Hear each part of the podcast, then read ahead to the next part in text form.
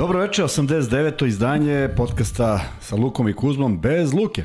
To je treći u nizu i nadam se poslednji, tako da a, verujem da smo četvrtka zajedno on će biti u svojoj crvenoj fotelji i nastavit ćemo da pričamo o svemu interesantnom. Ja malo gledam levo da mi ne zamerite, pošto ćemo da prenosimo utakmicu Mornar Partizan, da pokušamo da prenosimo, verujem da imamo određeni delay, možda ćemo negde da se iznenadimo nečim što znamo unapred, a možda ćemo i da kasnimo ozbiljno, ali mislim da to nije toliko važno koliko da je 2-2 i da je Obradović već napao mladog odličnog Rasela ispod koša sa idejom da ga ubace u problem. Egzum je poentirao, nisam još zadešten na drugoj strani. U svakom slučaju pričat ćemo o svemu, pa i o ovoj utakmici, ako bude bilo zanimljivih stvari, a verujem da hoće, kao što je na primjer ova, a, zakucavanje mladog Pecarskog, ne, mi, da, Pecarski igrač, bivši igrač Partizana koji je lutao, lutao, lutao, lutao kroz klubove i nadamo se dolutao na jednu destinaciju na kojoj će moći da pokaže svoj talent koji nije problematičan, problematičan je možda neki njegov malo pristup i ideja o košarci, tako da ako su tamo ako je tamo naša autoritete koji će ga voditi kroz karijeru, onda još bolje za košarku. U svakom slučaju odigrano je, odigrane su sve utakmice osim ove u prethodnom kolu. Danas je Zvezda pobedila FNP u jednoj dosta teškoj utakmici, s obzirom da je bio u nekom momentu bilo i 14 pojena prednosti, međutim FNP ima talentovanu i mladu ekipu, pokušali su na sve načine, pa čak jednom vrlo interesantnom ovaj, postavkom zone na koju Zvezda nije uspela da se snađa, mislim da to jeste nedostatak činjenice da malo ko kombinuje odbrane, pa valjda kad vide zonu iznenade se kao nešto spektakularno novo. U svakom slučaju, ono što je za zvezdine navijače i za zvezdu bitno, to je da je Vildosa pokazao da može da igra i to je vrlo ovaj, bitna, bitna stvar, prosto u nekim momentima se zabavlja i ja ne mogu da kažem da sam oduševljen kad šutne dva puta sa 8 metara, ali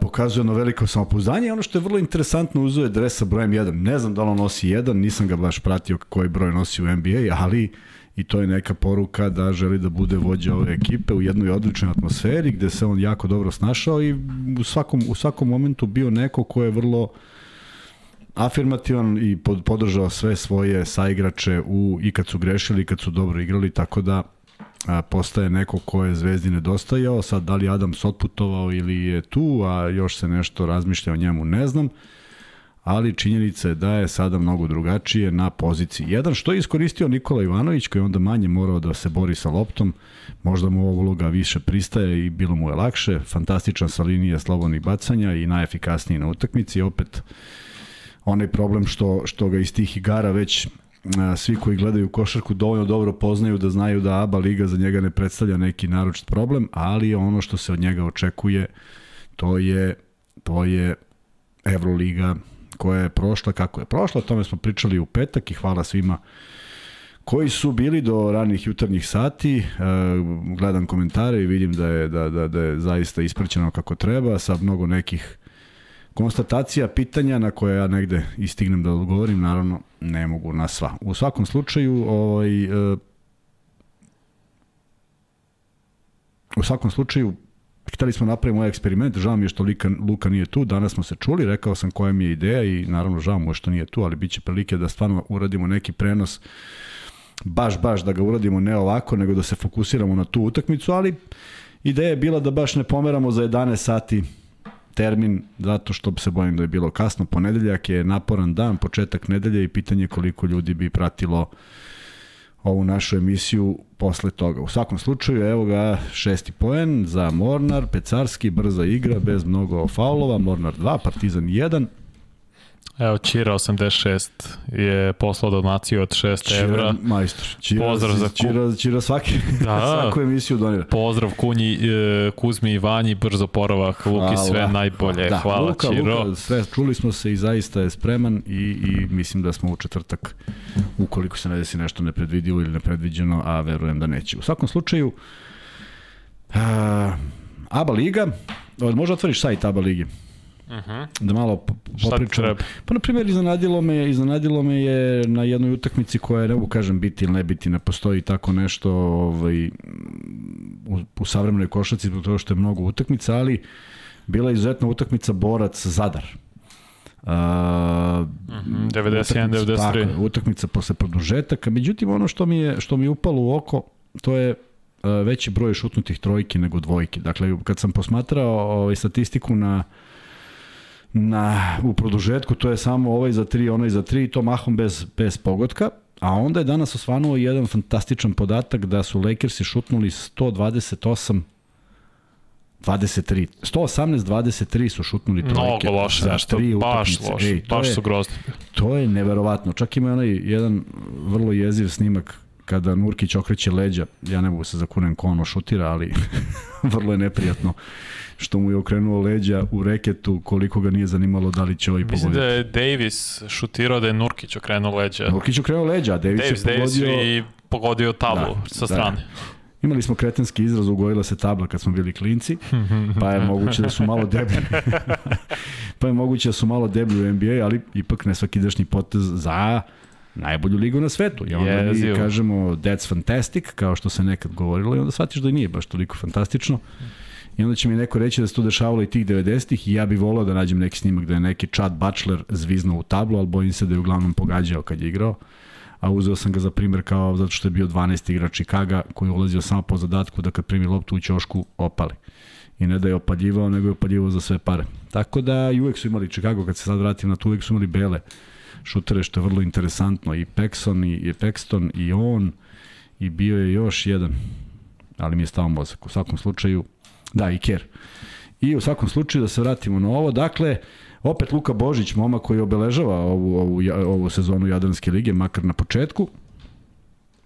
Ali, kažem, veliki broj šutnutih uh, trojki je nešto što je obeležilo utakmicu tako da je borac bez pobede. E sad ja da ovaj e, ne sa nekom naravno ne nemam nikakvu ovaj nikakav osjećaj neke ljutnje ili bilo čega, nego sećam se da nas je neko prozvao što ne znamo ko je Hale što nisam bio dovoljno upućen u opus tog momka i ja samo da kažem da je on posliji na tabeli i da uopšte ne vidim da nešto pretarano bitno da ja znam ili da mi znamo i da pričamo o čoveku koji bi trebalo čačak da vodi do neke, do neke pobede, do neke utakmice, kao što to rade strani igrači koji vrede. Toliko o njemu. Idemo dalje. Kaži mi još neki rezultat. Bilo je svašta nešto. Hoćeš da ti kažem kako je Božić imao poena prvo? 23, ili tako? 27. 27, da. Odlično. Da. Još jedna odlična partija, u njega sve zavisi, igra sa velikim samopouzdanjem. Ej, 27, 11, koliko 7 da, asistencija. Da, da, da, neverovatno. I mislim, ono što je loše, koliko ovde piše, makar imao 11 izgubljenih lopti, pa što mi je neverovatno. Da, da. Tako da da. Uh, koji hoćeš samo Vidi da... sledeću utakmicu potpuno mm -hmm. sve. E, da se vratim samo još pre što, pre što izgovoriš, pošto sam se setio. Ovaj, strašno mi je žao što se Howard prvo povredio, prosto gledao sam onaj moment i mnogo je tužno da, da igrač koji je zaista pretio da obeleži ovu sezonu Evrolige, pošto je, nije mnogo bila priča o njemu, ovaj, da se povredi na ovaj način i, i, da, i da faktički završi sezonu. Ajde ovde da ispratimo uh, Ledej sa novom trojkom, 16-9 za Partizan, veliki broj naravno navijača Partizana u baru. Uh, sećam se utakmica i u Podgorici kada se igralo, bilo je tu ovaj, uh, ozbiljna konkurencija, da li, da li Varvara ili uh, Grobara ima više, tako da ovaj, nije čudo što ih tamo ima u velikom broju. A evo gledamo Rasela koji ne može baš da se snađe, odlično ga prate ovaj, igrači Partizana, zatvorili su sve prilaze za sada i vidjet ćemo kako će da se odvija njegov učinak na ovoj utakmici, a i dalje mislim da one man show teško da može da prođe, ali hajde da vidimo, 19-9, odlazi se na timeout, taman da nastavimo sa sledećom utakmicom. Uh, hoćeš od prve, prva utakmica koja otvorila kolo jeste bila budućnost vole protiv Cedevite, 80-74. Tako je, derbi koji jeste onako malo čvršći, ali budućnost je apsolutno dominirala utakmicom celom, vidi se da je Cedevita u nekom ozbiljnom problemu, ni, ni, ni približno onome što su igrali prošle godine, ma, manje više sve porazi, Naravno što bole oni u Evrokupu kojih ima dva, I pitanje je kako će se, ne znam kako bi to izgledalo sa Zvezdom, ali moguće su bili desetkovani zbog toga što je od, od, od odlaganja utakmice sa Zvezdom prošlo sad neki 7 dana, pa ako je to bio COVID, možda se stvarno ljudi nisu ni oporavili, ne želim da sumnjam da jeste, ali onda to znači da nisi baš potpuno spreman za sledeću utakmicu. U svakom slučaju jedna utakmica koja mnogo znači budućnosti za neko samopouzdanje i za o želju koju imaju, a to je da budu među prve četiri ekipe, da ja apsolutno i mislim da im pripada mesto i polako nekako slažu kockice i to deluje za nijansu bolje nego na početku. Ko, hoćemo dalje? Uh mhm. -huh. Ili hoćete pročitati ko je bio što se tiče poena najefikasniji? Ne moraš. Mislim da je ovaj, Kaba. Kaba i Bud su imali po 18 za da, budućnost. Da, on je dominirao dosta. I... A Ferrell naravno je imao 17, i je Adams isto imao 20 za CDV-tu. Da, da, ali nema tu, kažem, tu je, tu je Jaka Blaži donosio tu prevagu i energiju. Jeste, da, ali ima četvorica koji su bili dvocifreni. Jeste, ali nema više onih poena koje, koje će neko da ubaci, nego eto, o, o, igrači koji, koji, od kojih se mhm. očekuje, mm, znaš, malo je, je, malo je malo iznenađenje i malo će neko da odvede 10 poena na sve to, tako da tu postoji ozbiljan problem, ali kako je tako je, vidjet ćemo kako ćete da vidite da nastavi ovaj, e, u, pre svega u Evrokupu. 4 minuta 26 sekundi. 19-9 za Partizan. Može neko da napiše da li smo Bravo. blizu realnog vremena? E, to ljudi, molim e, vas, znači pišite da, koliko evo, sad, sad kasni. Evo ja sad kažem da, da, da, ovaj, da Russell dribla na polovini terena, pa vi od, na osnovu toga nešto recite. Evo ga, pas za, ne vidim ko je, Pecarski, pa opet Russell, pa evo sad Mihajlović verovatno, pa i dalje Mihajlović i faul. No, da, dobro. ljudi, uh, udarite like, udarite subscribe, slobodno, ajmo da, da pokrenemo slobodno. algoritam malo i da, da podržimo, evo ja čekaj, moram da udarim like sa vaše kanala na ovo. Tako da. je, pa nego šta, svaki se računa. Idemo. Neko je pitao da li nama skidanje, da li skidanje sadržaja nešto ne znam, znači, nisam ja proverio. čak ne mislim da, da, ali nevažno i da znači da ne znači, verujte, dovoljno je ovaj like i, i, i, i već je sve u redu. U svakom slučaju, Madar seče loptu 21-9, Partizan je došao ovde da, da ne dozvoli bilo kakvo iznenađenje i vidimo prilično, prilično agresivnu igru. Prednjače u, u faulovima, ali naravno vode 12 razlike i vidjet ćemo Mihajlović sa jednom lepom asistencijom Evo, pa kaže ono 20 sekundi, ono što sam ti... 20 uh, mnogo je to, nema veze. U svakom slučaju nismo se baš, kada bude Luka došao i kad budemo zaista pravili u pravom smislu, onda ćemo da nekako nacentriramo da to sve bude. Pa teško je, znaš, zato što i stream je 10 sekundi, dok se to poveže na YouTube, znaš, možda mislim da u najboljem slučaju da bude 10 sekundi kašnje. Nije ni važno, vidjet ćemo, neće, neće niko zameriti. U svakom slučaju, Pecarski je uh mhm. -huh. kao zakucao. Hvala vam što pišete, ljudi. Pecarski je kao zakucao, u stvari nije, ali se priznaje ali se priznaje ko još od ozdo izbijena lopta. 21-11, idemo na sledeću utakmicu, šta MZT kažem? MZT Skoplje protiv studentskog centra, 92-79 za MZT. Eto ga, nešto što sam priželjkivao, zato što su imali izuzetno težak raspored, MZT se raspucao, došao do 92 poena, jedan od boljih igrača u njihovoj ekipi, Strahinja Mićević, pozdravljam ga ako gleda momak koji je stvarno svuda gde je igrao, ovaj, pružao odlične partije i eto, dočekali su svojih 5 minuta, jedna ekipa koja mislim da ima dovoljno dovoljno kvaliteta da iznenadi i ne mislim da će biti tako lako pobeđivati ih iz prostog razloga, stvarno su imali težak raspored, da evo u prvoj utakmici sa nekim direktnim konkurentima uspeli su da zabeleže ubedljivu pobedu, da daju mnogo poena i da, da prekinu taj neki niz usled izuzetno teškog mm -hmm. rasporeda. Tako sva podrška MZT-u, nadam se da, ne nadam se, znam da u Makedoniji gledaju, tako da mi je drago da da imamo gledalce odande i da možemo pozdraviti navijače MZT. Kef je bio najbolji moj 22 poena, 7 skokova. Mm -hmm. Mislim, bilo još, pored njega još četvorica dvocifrenih. Pa da, zato što je veliki, veliki broj, tako da bi bilo mm -hmm. čudno da ih nema, fino raspoređeni i u svakom slučaju verujem da im znači ova pobeda s obzirom da, da, da je prva u, u ovogodišnjoj sezoni i uopšte od povratka u ABA ligu. Tako, hoćeš dalje? Hoću dalje. Uh, Mega je pobedila, pardon, Mega je izgubila od Cibone 93-100. Da, je to sad već neki, neki problem na koji možda i nismo navikli. Mega obično ima neke igrače koji... U kom smislu nose. problem? Pa Mega je uvek imala bolji rezultat jer su imali te igrače koji su zaista bili u pravom smislu vođe ekipe, na neki način projekti i šta od njih se očekuje, ali ove godine očigledno da nešto ne funkcioniše s obzirom da i Cibona nije ništa iskusnija ekipa, naprotiv mislim da je mega iskusnija u segmentu da je Dragan Milosavljević došao, to mi je drago da pruža dobre partije, ali ostatak ekipe nekako nije na onom nivou nečega što smo od Mege navikli, ipak mislim da nikad nisu startovali sezonu ovako, možda jeste bilo tih nekih turbulencija pa se ekipa uigravala, ali ovo sada predstavlja onako ajde da kažem iznenađenje za sve one koji navijaju za Megu i koji misle da je moglo drugačije. U svakom slučaju veliki broj poena su primili pre svega A, takođe u Ciboni mnogo talentovanih igrača i nije nešto pretarano začuđujuće, jednostavno odmeravanje snaga možda dva najmlađe tima u, u, u, u ligi, ali u svakom slučaju jeste čudno da Mega još uvek nema pobedu, no tek je početak, ima još dovoljno da se igra. Hoćemo dalje. Mhm. Mm -hmm. Split i Gokeja, pobedi Gokeja od 77-68, to je pošto Split bio domaći 68-77. Tako je, i Gokeja koja pokazuje da je, da je, da je rešila da pravi i ove godine dobre rezultate.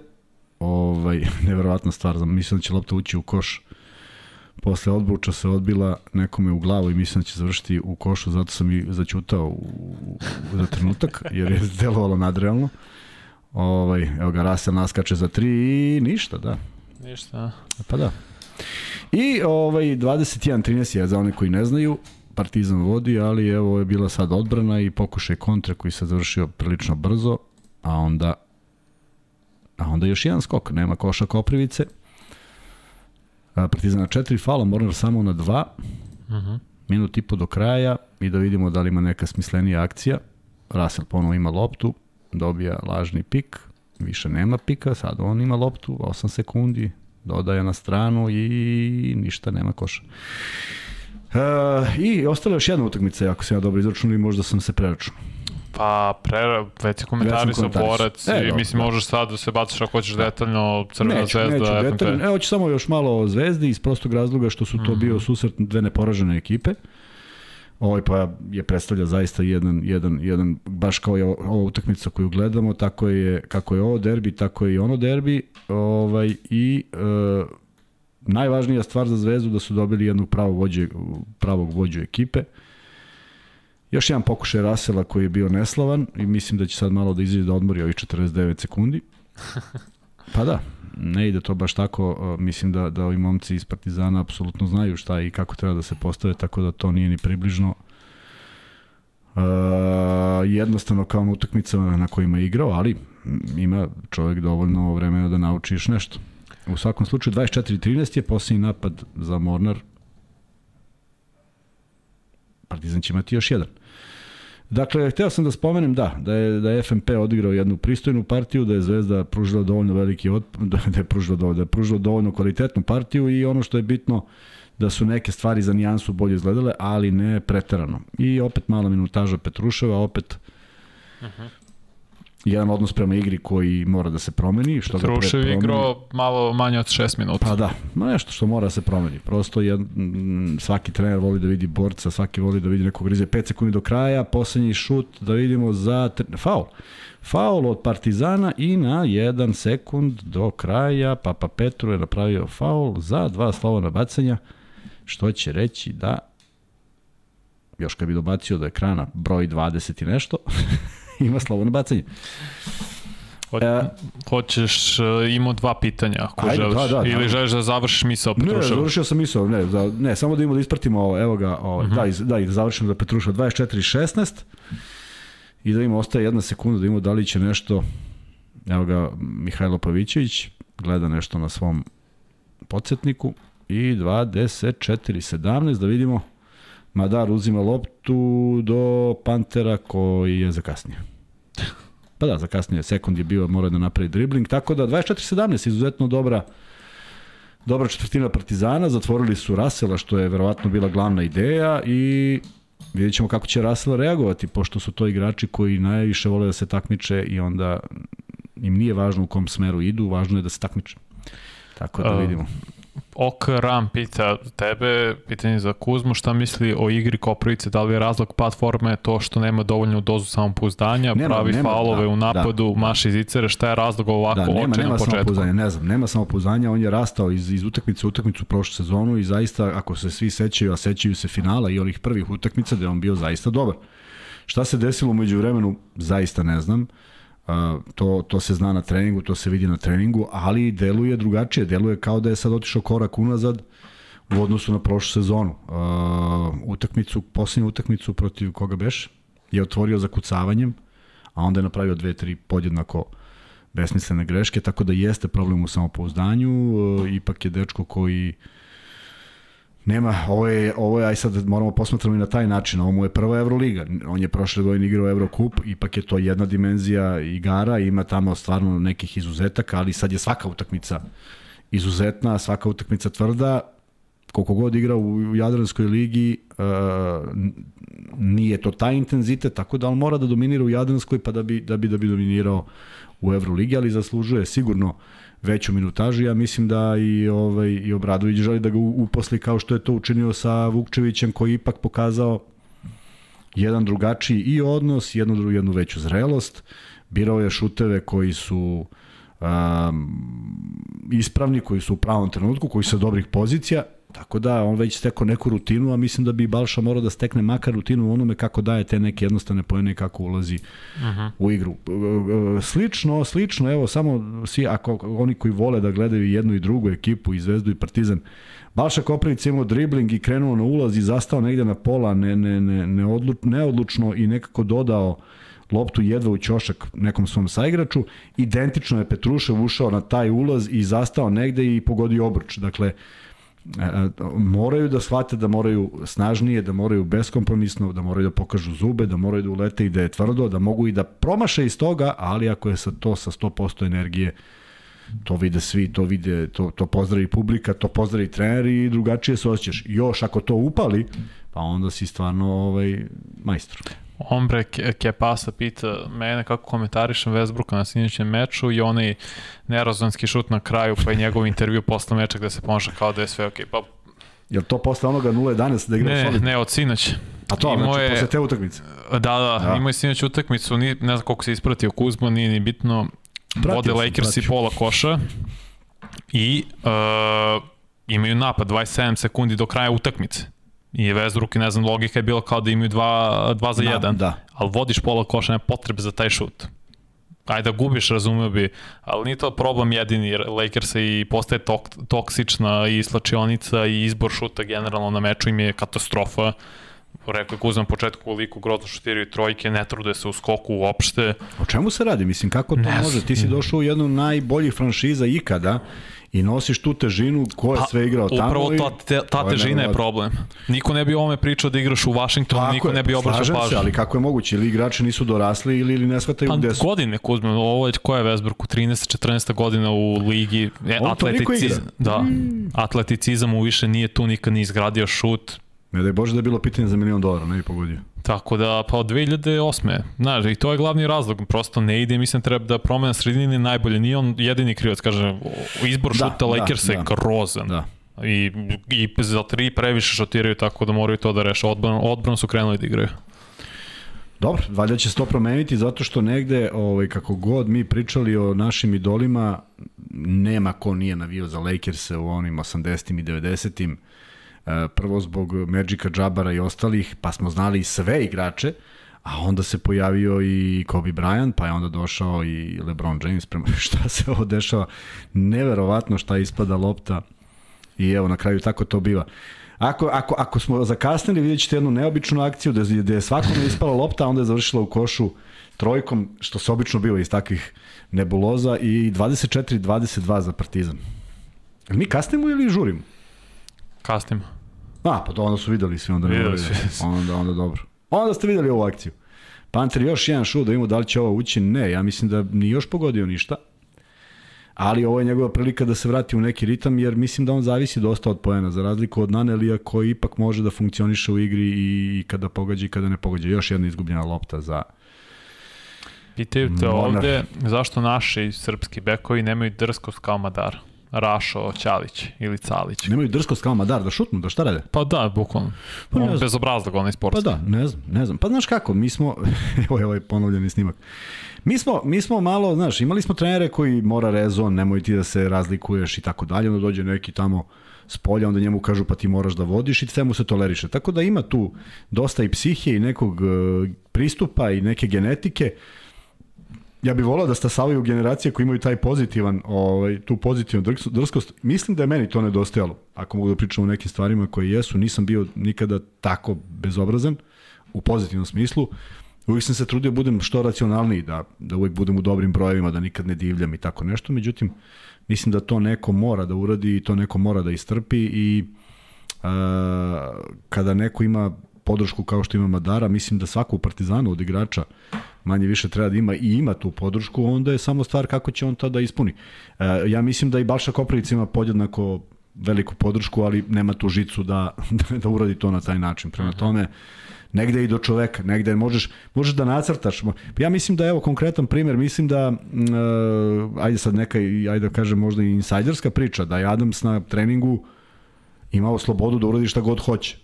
Dakle, šta god hoće, to mu je rekao trener i rekao je šta god želiš, samo da vidimo da, da, da li si živ. I ništa nije uradio.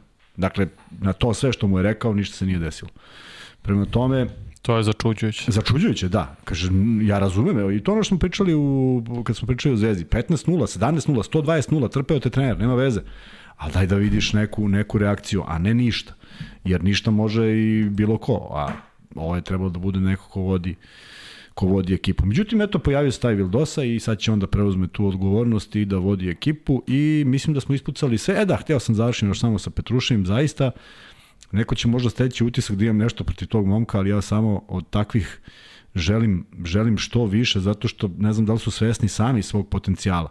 E, najdrastičniji i vrlo blizak primer, sličan je Simanić, a njega od kad sam upoznao sam pokušavao na svaki mogući način u nekoj priči ili u nekoj šali ili u bilo kakvom kontaktu da izvučem iz njega neku, neku, neku reakciju. Mnogo mi je krivo što je otpušten iz Saragose, znam da to sad neko što bi meni bilo krivo, ali prosto takav potencijal se ne rađa svaki dan i mnogo mi je krivo što nije uspio ni tamo da se snađe. Uopšte ne znam koja je sad neka sledeća destinacija.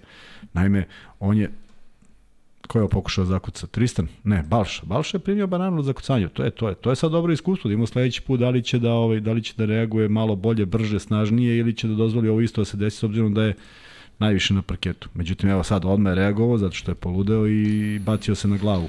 Evo ima za loptu. Dejan Tomić pitanje, da li znaš nešto o sukobu Micić i Alimpijević na meču FS Burs? Ne, sem onoga što sam video.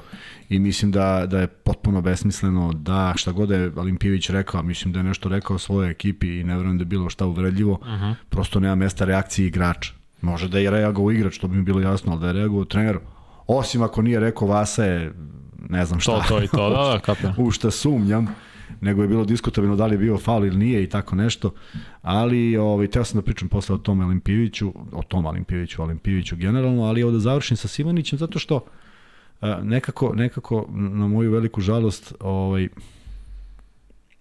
Petrušev strašno podsjeća na njega, a mislim da je, da je, da je dečko koji sa evo svojim vršnjakom i drugom iz reprezentacije i sa momkom koji, s kojim su pravili najveće rezultate, uh, Isto vrlo slična priča, čovek koji ima samopouzdanje, ali ne je, nije ono što kažu lako raditi s njim. I vidimo da je promenio neverovatan broj klubova i, i, i ja bih želao da i on uspe zato što se radi u jednom, u jednom visokom košarkaškom, košarkaškoj inteligenciji, ali to moraju da prate neke druge stvari koje nisu pratile. Tako svako ima nešto što treba -huh. da prati i onda mi, mi, mi tugujemo što ti momci nemaju sve u kompletu, ali prosto dešava se. I da vam kažem, svima nije prvi put, bilo je neverovatnih talenta koji nisu uspeli. Ne mislim da svi mi koji smo prošli i napravili seniorske i o, o, dobre karijere, da smo bili najbolji u našoj generaciji, naprotiv, mislim da je bilo mnogo igrača kojima je nešto falilo. Koji je rezultat? sad nema ništa, evo sad je 24-22, smanjuje Mornar, imaju dva penala, će imati mm -hmm. Andjušić, izlazi Balša Koprica, a vraća se i Rasel, da vidimo da li je nešto naučio u ovih 13 minuta sa ekipom koja dolazi iz druge dimenzije u odnosu na ono što je on igrao do sada. Pa da vidimo kako će se snaći Andjušić dobar sa linije penala. Uh, pitanje Marko Đorđević, da li se zna, to je pitanje da li Kuzma zna da li će Nedović biti u sastavu? E, ja Kada? sam očekivao, ja sam očekivao da on bude ovaj, uh, protiv FNP-a, to su bile neke uh mhm. -huh. naznake kad smo se... A Euroliga sad možda? Pa to bi, to bi bilo sumnjivije, zato što bi ti trebalo trebati nekih par minuta makar na, na terenu ovaj, da, da, se, da se vratiš u život, tako da sumnjam da će biti.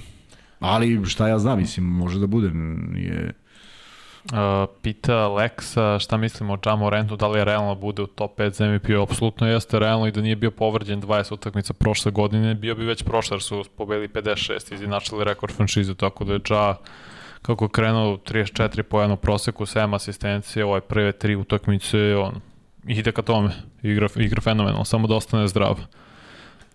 Uh, da vidimo dalje.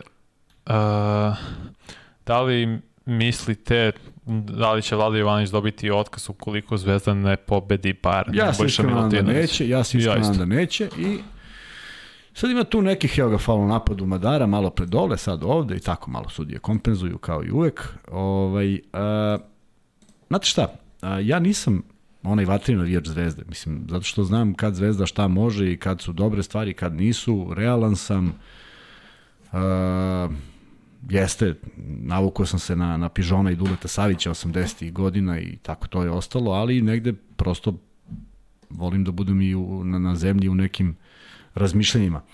A, mnogi od onih koji sebe navijaju, navija, nazivaju navijačima već menjaju Jovanovića, već menjaju pola ekipe, tolerancija nula, a mene sad stvarno zanima i napravi taj pol.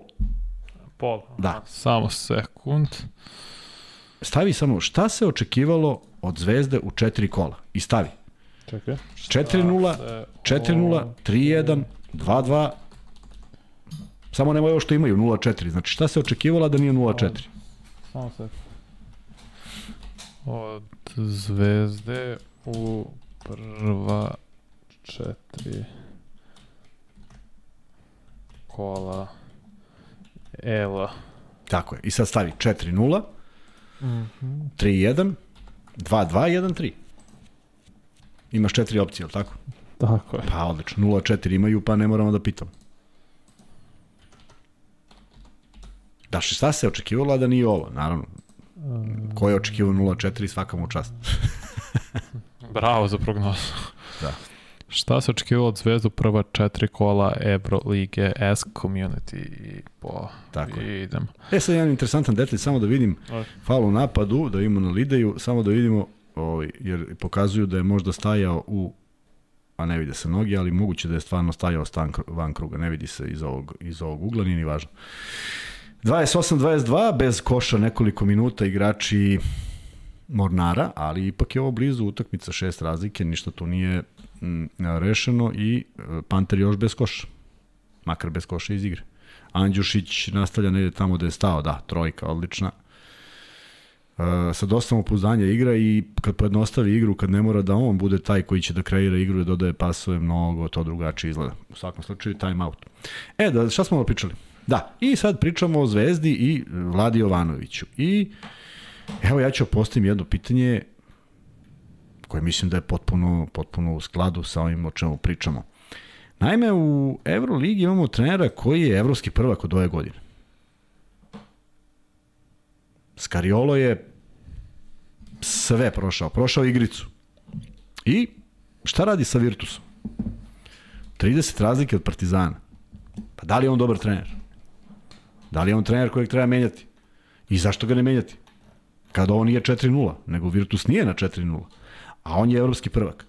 Dakle, nekada nešto može trener da uradi, a nekada trener nešto ne može da uradi.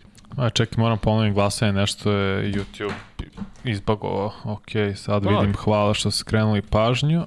Dobro. Da, to odme prekinuo glasanje da, nekog razloga. Dakle, Skariolo kao čovek koji je sad broj 1 trenerski, zato što je aktuelni prvak, nema ni približno lepu igru ili pršavu igru i ja ne znam, možda što u italijanskoj štampi diže panika, ali prosto ta španska ekipa u kojoj to sve funkcionisalo, to nije Virtus u kojem sve to isto može da funkcioniše i tako u ovoj ekipi u kojoj ću ja pričati o Vladi Jovanoviću onog momenta kad ta ekipa bude kompletna. Sve dok nema Nedovića i sve dok je Adams bio tu ili nije ili jeste i Vildosa došao sa aerodroma da igra, ja prosto ne mogu da uzem i da kažem nešto smisleno Ne zato što branim čoveka, nego zato što je to, su to nenormalne okolnosti u kojima se on nalazi. U tim istim okolnostima, možda za nijansu lakšim, je bio Olimpijević.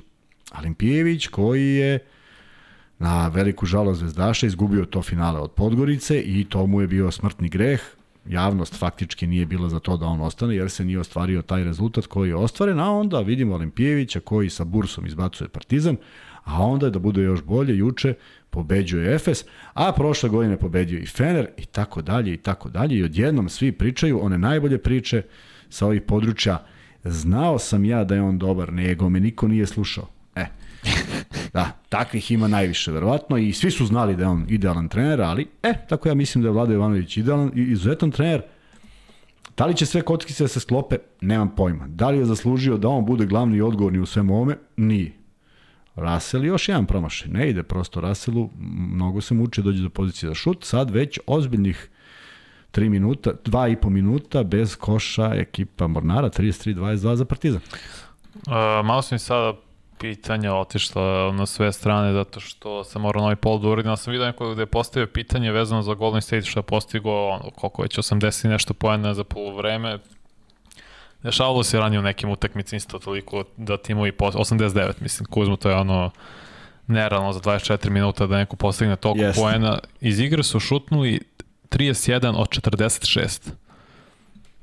Bigins 18 na polovremenu, Kari 28, Pool 12, Weizman 12, mislim, nevrovatno, stvarno je kada imaš tako ofanzivno, ofanzivni arsenal i da, najbolje da, šutere, to, je, to se desi se takvi dani, jest, prosto jest. ne možeš da omašiš.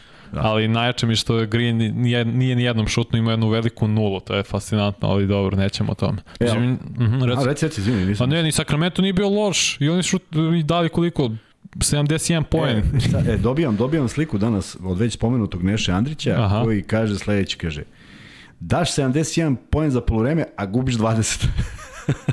Neverovatno, si stvarno... 71 je dao Sacramento, 89 je dao... Ludilo. Da, to sam dobio. Ludilo, skroz, skroz, ludilo. Ali ima još jednu vrlo interesantnu ovaj, opasku. Uh, slušaj što kaže. Kaže, na utakmici je bio i mali Milojević, dakle Dejana Milojevića sin. Mhm. -huh. Koji je prokomentarisao? Pa ovde kaže svaki napad koš. Doslovce u prvom poluvremenu. Pa nevjerojatno. Neverovatno. 50 pojena u drugoj da. četvrtini, da. evo Miloš Đorđević dodaje, stvarno je da se diviš, to da, je ima da. lepota u tome, zaista, ne, ne ja se ku. sećam finala 2010. Lakers i Boston, sedma utakmica, 82-78 i to je isto lepota gledati. Da. Gledaš ne, A kad neko buduće, tako igra, tako je. Hall of Fame igrače muče se, ne ide, odbrane su sjajne, šta se radi, ali ima lepotu jednom i drugom, tako dešavaće se, dešavalo se prošle godine i prethodnih pardon godina da neko prosto eksplodira za polovreme i da strpa lagano 70-80 pojena. E, izvini, Ljubo se javlja, Ljubo, mm -hmm. ne znam kako se preziva, ali Ljubo se javlja Instagramom i kaže 70% na dvorane navija za Partizan. Šteta što Mornar igra kao gost i s osmeh. Tako da, eto, ovaj, koliko je navijača Partizana u baru večeras. U svakom slučaju 33-22, Le, e, Lesor ima slovo na bacanje, jedno je promašio. Vraća se Egzon kojeg dugo nije bilo, odlično je otvorio mm -hmm. utakmicu, ali posle nešto željko. Koji je rezultat? 33-22. Nije tu nešto mnogo poena i faktički nisu raspoloženi igrači Mornara definitivno, a ni Partizan nije pogodio bog zna šta, ali ovaj ali imaju 12 poena što je dovoljno velika zaliha na ovako mali broj poena. Vratio se Egzom. Nešto zasmetalo Obradoviću kod njega, imali su neku diskusiju. A šteta otvorio utakmicu baš onako kako je Željko nacrtao, to sam ubeđen, prosto da se spusti i da Rasel ubaci leđima pod koš, ne da ga je ubacio, nego je vrlo, vrlo jednostavno poentirao. I on Đorđe ima... Stanović kaže da je Jovanović izjavio da će Nedović biti u ekipi u petak. Dobro, daj Bože, da, ali ja samo bih voleo da smo ga videli čisto da imamo kako funkcioniš. Ajde, možda su rizikovali, niste li riziku ili nešto. Uh, malo je veliki zalog kad igraš protiv Bajerna, zašto tri kontakta koja dugo nisi imao, a ovde ipak malo drugačije kad je u pitanju železnik uz, uz ovaj, još jedna izgubljena lopta. Uh, uz ovaj uz sve sve pošto sve čestitke železniku što igra kako igra, ali ovaj nije nije to isti odnos kada kada uletiš na utakmicu Evroligi. A, pite isto Rašo, Ćalić ili Calić, ja ne ja se ili Čalić. Ili moguće Čalić, pa. A, da li ti imaš ideju na osnovu čega Panter ima ovoliko slobodu u igri? Imam, rekao mu trener da može da šutira i da treba da šutira. Pošteno. Vrlo prosto. Kad dobiješ takvu direktivu, nema tu nekih problema pretarano. E, još jedno klizanje Rasela, uglavnom se klizao danas zbog dobre odbrane, Egzum u, u čudnom ulazu, ali lopta je ušla u koš.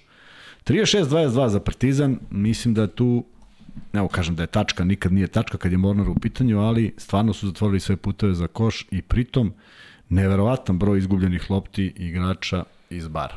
Pita Stefan Mijatović e, šta vidite u Koprvici, šta on ima, oče zašto je on toliko posljedan, kaže e, šut nema, post igru nema, u, pik, u piku je tanko. Uh, evo ovako, on ja se pojavio, da, on se pojavio, on se pojavio u, u mlađim kategorijama, kada smo vi bili impresionirani da čovjek od 2, 10, 12, koliko ima, trči sa tom lakoćom, kreće se sa tom lakoćom, ima osjećaj za koš sa tom lakoćom, pogađa, sve je radio, naravno zakucavao i naravno da je ogroman problem bio njegovo njegovo prilagođavanje igri s obzirom da su baš na jednoj utakmici, trening utakmici protiv Turaka, e, najviši Turčin je bio 195 i naravno da Balšan nije mogao da se snađe jer, jer jednostavno od udara naviko je da igra pa je da kažem neke skromnije lige u Americi, nije on još bio ni na koleđu ni bilo šta tada kada se pojavio i samo smo videli svi zajedno da tu postoji jedan veliki potencijal. Šta je potencijal? Njegova brzina, njegova pokretnost. On, on bi trebalo sa svojom brzinom da čuva sve igrače od 1 do 5 bez problema u preuzimanju.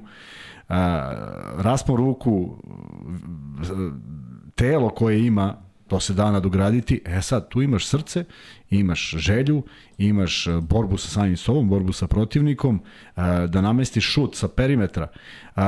Uh, Ilija i ja smo radili, radili smo zvezdinu utakmicu sada u petak. Tako bilo, Vanja, u petak. Mm, zvezda. Ja Zvezda da, bila u petak. Tako je. Samo jedan šut je bio van reketa u celoj zvezdinoj ekipi sa polu distance. Prema tome šta Balšat ne može da nauči da se okrene oko leve, leve noge i dubaci da polu horog. Pa ajde da se ne lažemo. Mislim da ima apsolutno sve preduslove i odlične trenere da to radi. Druga stvar je kako naći poziciju i treća stvar je kako se potući. Njegov otac se tukao u tim godinama. Balša možda nema dovoljno, dovoljno, dovoljno takvu žicu da, da uleti u takav konflikt, u takav duel, sve se to zna da promeniti do jedne granice. Onda odjednom postaneš veteran kao što je nažalost Simanić postao sa 24 godine. I on igra od svoje 17. se pojavljuje po zvezdi ovamo onamo i promenio toliko klubova i toliko trenera i negde kad bi pitao nekoga koliko Simanić ima godina i neko da kaže 24, niko ne bi verovao. Tako da, uh mhm. -huh. ne bih želao da se to desi Balši, jer, jer je mnogo za ovaj, za ovaj region da imamo dvojicu, dvojicu takvih u kratkom vremenskom periodu, ali sve zavisi od njega. Ja mislim da je on vrlo vredan, često ih viđam ovde po kraju, što znači da su na treninzima jako puno, da li usvajaju, to je do igrača, ne može niko da te natera da nešto usvojiš ako nemaš kapacitet, mislim da je čak i dovoljno pametan dečko, prema tome samo mislim da nedostaje iskustva, jer svaki svaki taj njegov ulazak u ekipu, prvo je ušao u Jadransku ligu, pa je to bilo malo čudno, pa se tu navikao, pa je malo više igrao u Evrokupu, pa mu je to bilo, pa sad jednom Evroliga. Ali mislim da su ovo utakmice da bi on morao da igra više.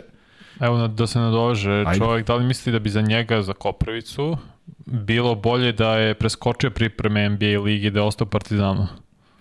Da li to možda on moguće? On je bio tamo, a? Pa Tako piše čovjek, ja ne znam stvarno informaciju, znao, tako da, jeste, to je bez da se ogradimo odmah. Pa to ne podržavam svakako, ali vidiš kakve su razmišljenja. Je, valjda je on došao pa ispričao Petruševu da je tamo bilo strava, pa ovaj, on krivo što je bio s reprezentacijom. Sve naopako, ali to tako funkcioniš. I ja nemam mnogo objašnjenja za to, ali ono što znam i da jedan, da obojica, imaju dobre trenere. Vlada Ivanović, odličan, posvećen, 24 e, sata je u košarci, sve što treba da zna, zna, bio je pomoćnik Igoru Kokošku kratko, nažalost kratko, ali nije bio slučajno izabran. Bio je trener Cibone, biti trener Cibone i, i, i igrati onako kako igrao, nije ni malo lako.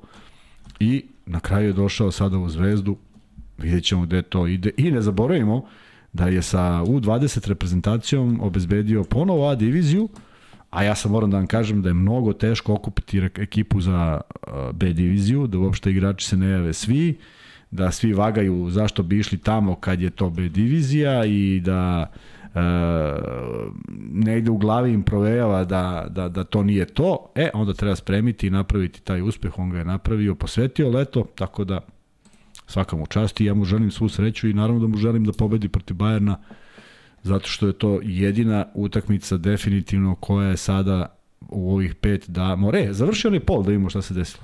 Uh mhm. -huh. Russell ponovo promašuje, ali bio je faul. E sad. Šta kažu? 55% kaže da je očekivalo jedan, jednu pobedu, tri pobedu. Tako je, tako je. 32 je očekivalo 2-2. Tako je. I po 6% 4-0 3-1. Tako je. Pa znači mi pričamo znači, da je očekivalo on... se 4-0. znači, znači mahom. Znači da je čovek omanuo jednu utakmicu u kojoj beko, je falilo bekova. I to je veliki problem za Zvezdu. Falilo je bekova. Prva utakmica Dobrića, nema Nedovića. Je Marković igrao? Nije li Marković igrao? Nema li Marković? Pa ajde da ne pričamo sad bez veze.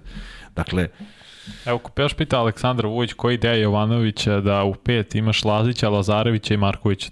To su na, u najavi prazni minuti. So, ne znam šta znači prazni da, minuti. Vrlo moguće, vrlo moguće, ali to je onaj moment kada Zvezda smanjuje na 44-42, pa ću ja, kako je neko napisao u posljednjem podcastu, ja sam advokat, verovatno Zvezde ili Jovanovića, pa ću ja advokatski da odgovorim da prosto na 44-42 i nekih 11 dobrih minuta Zvezde, gde je Bentil prednjačio, gde su svi bili na neki način dobri, mora da se ekipa malo, malo zarotira, da se promeni, a, mora da se sačuva Vildosa koji je ušao da igra, mora da se sačuva Bentil. Čim se njih dvojica sačuvaju, najviše donose poena, tu nastane problem. Ali ja opet pitam, ko na bekovskoj liniji, pošto od ove trojice spomenute, ostaje samo još Dobrić. Ivanoviću ništa nije polazilo za rukom. Ako sad neko kaže bolje je on, ok, ja se slažem da je bolje, ali, ali gde su poeni? Prema tome, mi sada se vodimo time da svaku izmenu skeniramo da li je bila dobra. Željko Bradović izgubio utakmicu kako je izgubio, nije Željko Bradović, izgubio Partizan. I čitao sam nebuloze neke, da je ovo, da je ono. A onda pobedio i onda odjednom sve funkcioniše. Pa, ljudi, nemojmo tako da budemo baš, baš toliko da, da, da, da ne možete, da nema strpljenja za bilo šta. Evo, Ganđušić završava ovu četvrtinu sa... Pa ovo je bio Andjušić, majke mi. Odjednom prikazuju, naneli je, sad sam se zbunio. 46-27, negde očekivano. Polovreme. Polovreme, jeste. Rasel je bacio još jednu s pola, ne znam da li bi se priznala, u svakom slučaju daleko. Mislim da je indisponiran, nije očekivao ovo. Ali ovaj Partizan je zatvorio sve puteve. Videli smo da su malo čas kada je Rasel šutnuo za tri, dva igrača ostalo na njemu jer je direktiva da Rasel ne sme da ostane da šutne. Partizan je to odlično odradio i odlazi na prednost 19 poena. Ne znam šta to sad može da smisli Mihajlo Pavićić da u drugom povremenu malo poremeti zato što je ovo velika, velika razlika za jednu ekipu koja bi trebalo to da zna da, da, da, da održi vrlo lagano i pritom imaju dovoljno raz, razigranih igrača. Evo nekih detalja, a vidjet ćemo, vjerojatno će dati ovaj, ali ako imaš ti imaš box score, imaš box score tamo na ili ću ja na telefon. Ti imam samo da čekaj, zatvorio sam taj tab. Ne, ne, ja ću da veze. Ok, kako želiš. Čekaj, evo samo da otvorim ovaj, gledamo, pa ja kao gledamo, mislim da ljudi gledaju, ne gledaju, gledaju mene, ja gledam u ekran. Hm. Još kao gledamo najlepše momente. ko, ti tre, ko ti treba? Nema veze, sad ću da uzem box score ovaj, Partizana, samo da pogledam. Evo ga, 27-46, da ima šta kaže ta neka statistika koja je tačan zbir pogrešnih podataka. Čisto zbog neke razigranosti igrača, evo, kaže ovako, Lide i 15 poena, Andjušić 10, naneli 9. Tako da ima već tu je tri igrača koje su dovoljno razigrani. Panter, nažalost, iz sedam šuteva ništa od poena, dok je Exum iz 3 postigao isto toliko poena, to jest 6 poena, tri puta proturio kroz obruč. Sa druge strane, za 2 Mornar 8 od 14, za 3 1 od 12. Ej, to nije ni 10%, 8,3%, ovo dugo nisam video na ovakvu statistiku i to je Vujačić pogodio trojku kad se ona lopta odbijala kao fliper od, od čoveka do čoveka i došao do njega, neverovatno.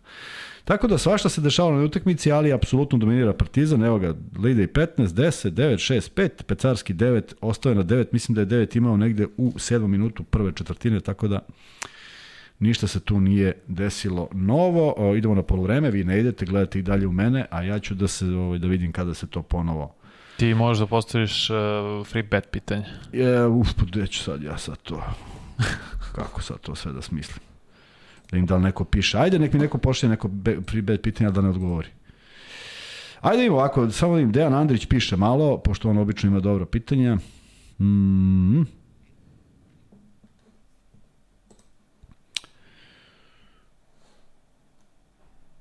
Da, kaže da, da mu Dejanu Andriću nije jasno kako da Partizanove rezerve nešto urede kada je u suštini šest, rotacije, šest igrača u rotaciji, slažem se, treba veća minutaža, ali evo sad je napravljen jedan, jedan, jedan ovaj veliki, veći, veći pomak u igri u smislu odvojili su se na 20 pojena razlike i možda je to mogućnost da proba nekoga malo duže i slažem se i Vukčević i Balša su imali prilično male minutaže, ali negde je vrlo je bitno da se pobedi, da se odigra ono što treba da se odigra, da bi se u četvrtak igralo ono što treba da se odigra, a na njih se verovatno u tom momentu ne računa. A, Iza Vildosu me pita da li mislim da će biti kao Marcus Williams ili kao Jović u pick and roll igri. Ja mislim da Vildosa može pogoditi koš kad god hoće i da ima takvo samopouzdanje da će onda opaljuje kad god hoće.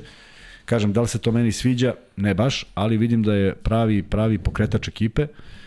Dok pogađa sve je super i svi će se veseliti, ali kažem, vidi se da ono što radi ne radi slučajno, vidi se da zna šta radi, vidi se da nije sebičan i vidjet ćemo kako će odgovoriti ostatak ekipe. Mislim da ih je za sad kupio nekim svojim pristupom. Dve utakmice, jednu iz aviona, drugu, drugu malo sa malo treninga. Nije to tako loše izgledalo ovaj, što, se, što se tiče njegovog debija u Jadranskoj ligi, ali kažem, vidjet ćemo. Uh, mislim da zna gde je došao i mislim da zna kakve ih utakmice očekuje i mislim da će shvatiti važnost ove utakmice protiv Bajerna, tako da verujem da je danas isprobavao neke stvari koje je teško da će isprobavati protiv Bajerna. Mislim da će biti mnogo konkretniji iz mnogo boljih pozicija. Evo, Dušan Subotić je donirao 150 dinara i Hvala, pita Dule. Kuzmo, jel nosiš ti te limune? Prepostavljam da li si odno Luki, one limune za koje je poslao po izrazu lica. Naravno, naravno da nosim. Grapefruit, limun, sve što treba. O, genijalno. Evo, da. Nikola Ivković, free bet pitanje iz šale, naravno. Da li Luka pije limunadu i odmara gledajući Tako.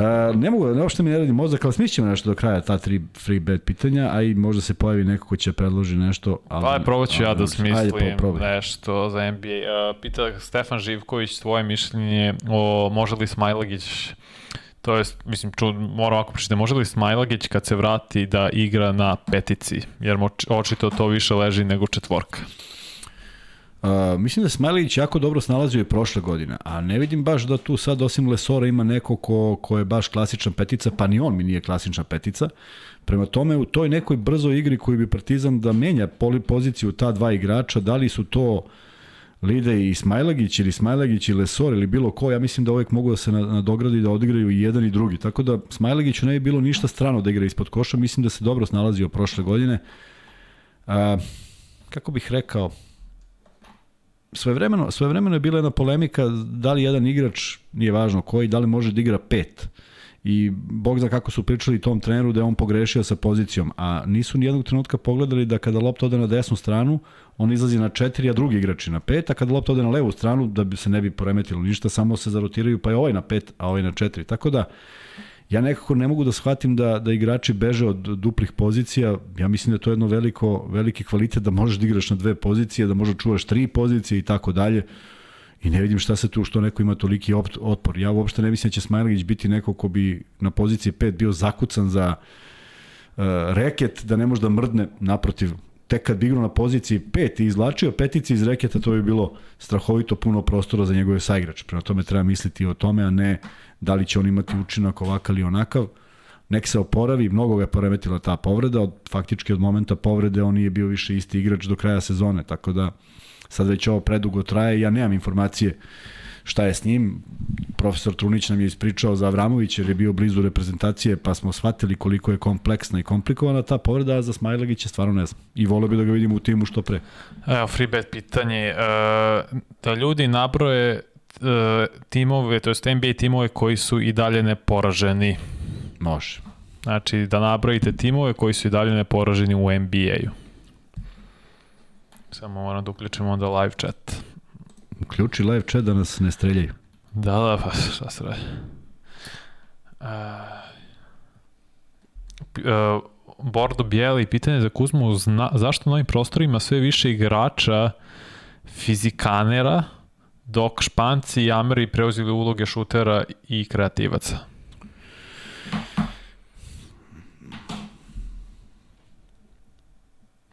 Prvo, mislim da je sve manje kreativnosti u košaci. I to me ne veseli uopšte. Uh, izvini, Aha. Dragan Savić, Boston, Milwaukee, Utah, Portland, to je tačno. Dobro. Nastavi. Dragan Savić. Prvo, mislim da je mnogo manje kreativnosti. Drugo, da bi neko stvorio kreativnog igrača, mora i da toleriše dok on brlja i traži tu sebe u toj kreativnosti. A mislim da za to nema strpljenja i treća stvar, nekako uh, fizikalije su stalno u prvom planu i mi kad god spomenemo bilo kog mladog igrača, mi pričamo o fizikalijama. Čak i ja pričam o Simonićim fizikalijama. A kada sam pričao o malom Topiću i shvatim da on nema ništa od toga, bar nešto upada na prvi pogled, onda shvatiš da on ima veće šanse da uspe zato što baš zato što nije u ni u čemu ekstremno ekstremno dobar. I ovaj i to stvarno zavisi od od toga šta pravimo od igrača. Ja ne znam koliko igrača napravimo za reprezentaciju, a da su oni evroligaški kvalitet. Čak ne mogu da kažem da, da, da, da, da, da, da nemamo igrača u Euroligi, ali to su sve igrači koji su se a, nema, mlad, nema mladih, nema novih. Ne može niko da kaže Vasa Micić jeste ono najboljim godinama, ali sigurno nije se pojavio prekjuče i to je bio Treba se pojavi neko dugačak. ko je od 2000 pa na mlađe. Tako je, tako je. Evo 2000. godište, mi imamo sad 99. i 2000. imamo Pecarski, Petrušev, Dalibor Ilić, sve su to igrači koji su to godište. Tako da, ajde da vidimo šta će biti od njih, ali evo, Pecarski je promenio Partizan, Megu, Bayern, Čačak, Mornar. Pet klubova je promenio, a on je, previše. a on je 99 ili 2000. Nevrovatno. Nemoguće. Znaš, ne, nešto nije u redu. A, od Petruševa, ja bih volao da on zagriza onaj obruč glavom, da skoči toliko i da udari glavom u obruč i da, kao što mi je neko poslao klip, ima onaj klip Ja sam na jednom treningu rekao treba leti da udara glavom u obruč, pa ima onaj klip kad je on stvarno skočio na bananu i udario glavom u tablu. A koji tač? Ima ih više. A ne ne znam, ima, bilo je fantastično Kažeš ti snimak gde je Jamoran prošle godine lupa blokadu sa dve ruke tako što hvata loptu i kuce u tablu. Tablu i udara glavom. U glava mu je kod da. obruče. Ne, I hvata je i u isto vreme je skok i blokada, znači pa nerealno. Sam da, kažem, Ili Živodiniću meni piše na live chatu da je, da je prvi Dragan Savić, pa onda Dimitrije, pa ti, tako da se oslanjam po tome. Moguće. I to je jedino merodavno. Šta Tako god je. pisalo negde, ovo je jedino merodavno, nema razloga da izmišljamo Pa jer jedino to i vidim. Tako je. Uh, da vidimo dalje. Pa da, i kaže Radovan Stojanović, fizikalije su u današnjem sportu najbitnija stvar. Mislim, do nekle jesu da, ali kad pogledaš sad, ja mogu jedino pričam o NBA-u i dok sam pratio Euroligu, ono, 2000-ih, kad sam bio baš mali, ja se sećam, Montepaschi je imao brutalne, brutalna tri Amerikanca dok je bio ono na vrhuncu i igrao top 8, nekad Final Four. Ne mogu sad kako se zove play, ako ti Kuzba znaš. Ne, ne, ne, pa tek ja ne dobacujem, ne znam. Da li McIntyre bio ili taj neki fazon, back jedan i jedno krilo, mislim, uvek je veština u pitanju. Slažem se. Slažem Ima veštine sada, u, pogotovo u NBA, ne, nemojte mislite da nema, samo su drugačije vrste fizikalije. Sad nisu, Upravo to. Sad je više do izražaja kondicija, agilnost, brzina, eksplozivnost. Nije sad toliko više primarna čista fizička snaga nego koliko možeš ti kondicijno da ostaneš na terenu i da igraš na visokom nivou, konstantno gore, dole, gore, dole. Tako da, kaže, kakva fizikalija kad Luka vlada NBA ligom. I to je tačno. Šta, koja muka? Kada Luka vlada NBA ligom, kakva fizikalija. Aha. Da, Romain Sato, bravo. Evo informacija, Ivan Pejić kaže da se da je Smajli, da su i Smajli i Avramović ove sedmice na pregledima, Avramović se nada skidanju gipsa. Sjajno. Yes. To su odlične vesti. Imamo sad jedno pitanje za, za ovaj free bet. Poslao je... Eto, drugo Lazar pitanje Grbić. za free bet. Nećemo sad A, samo ne, da se pohvalimo da imamo. Posle da se okay. pohvalimo da imamo. Naravno nešto iz Mislim pre što počne drugo polovreme.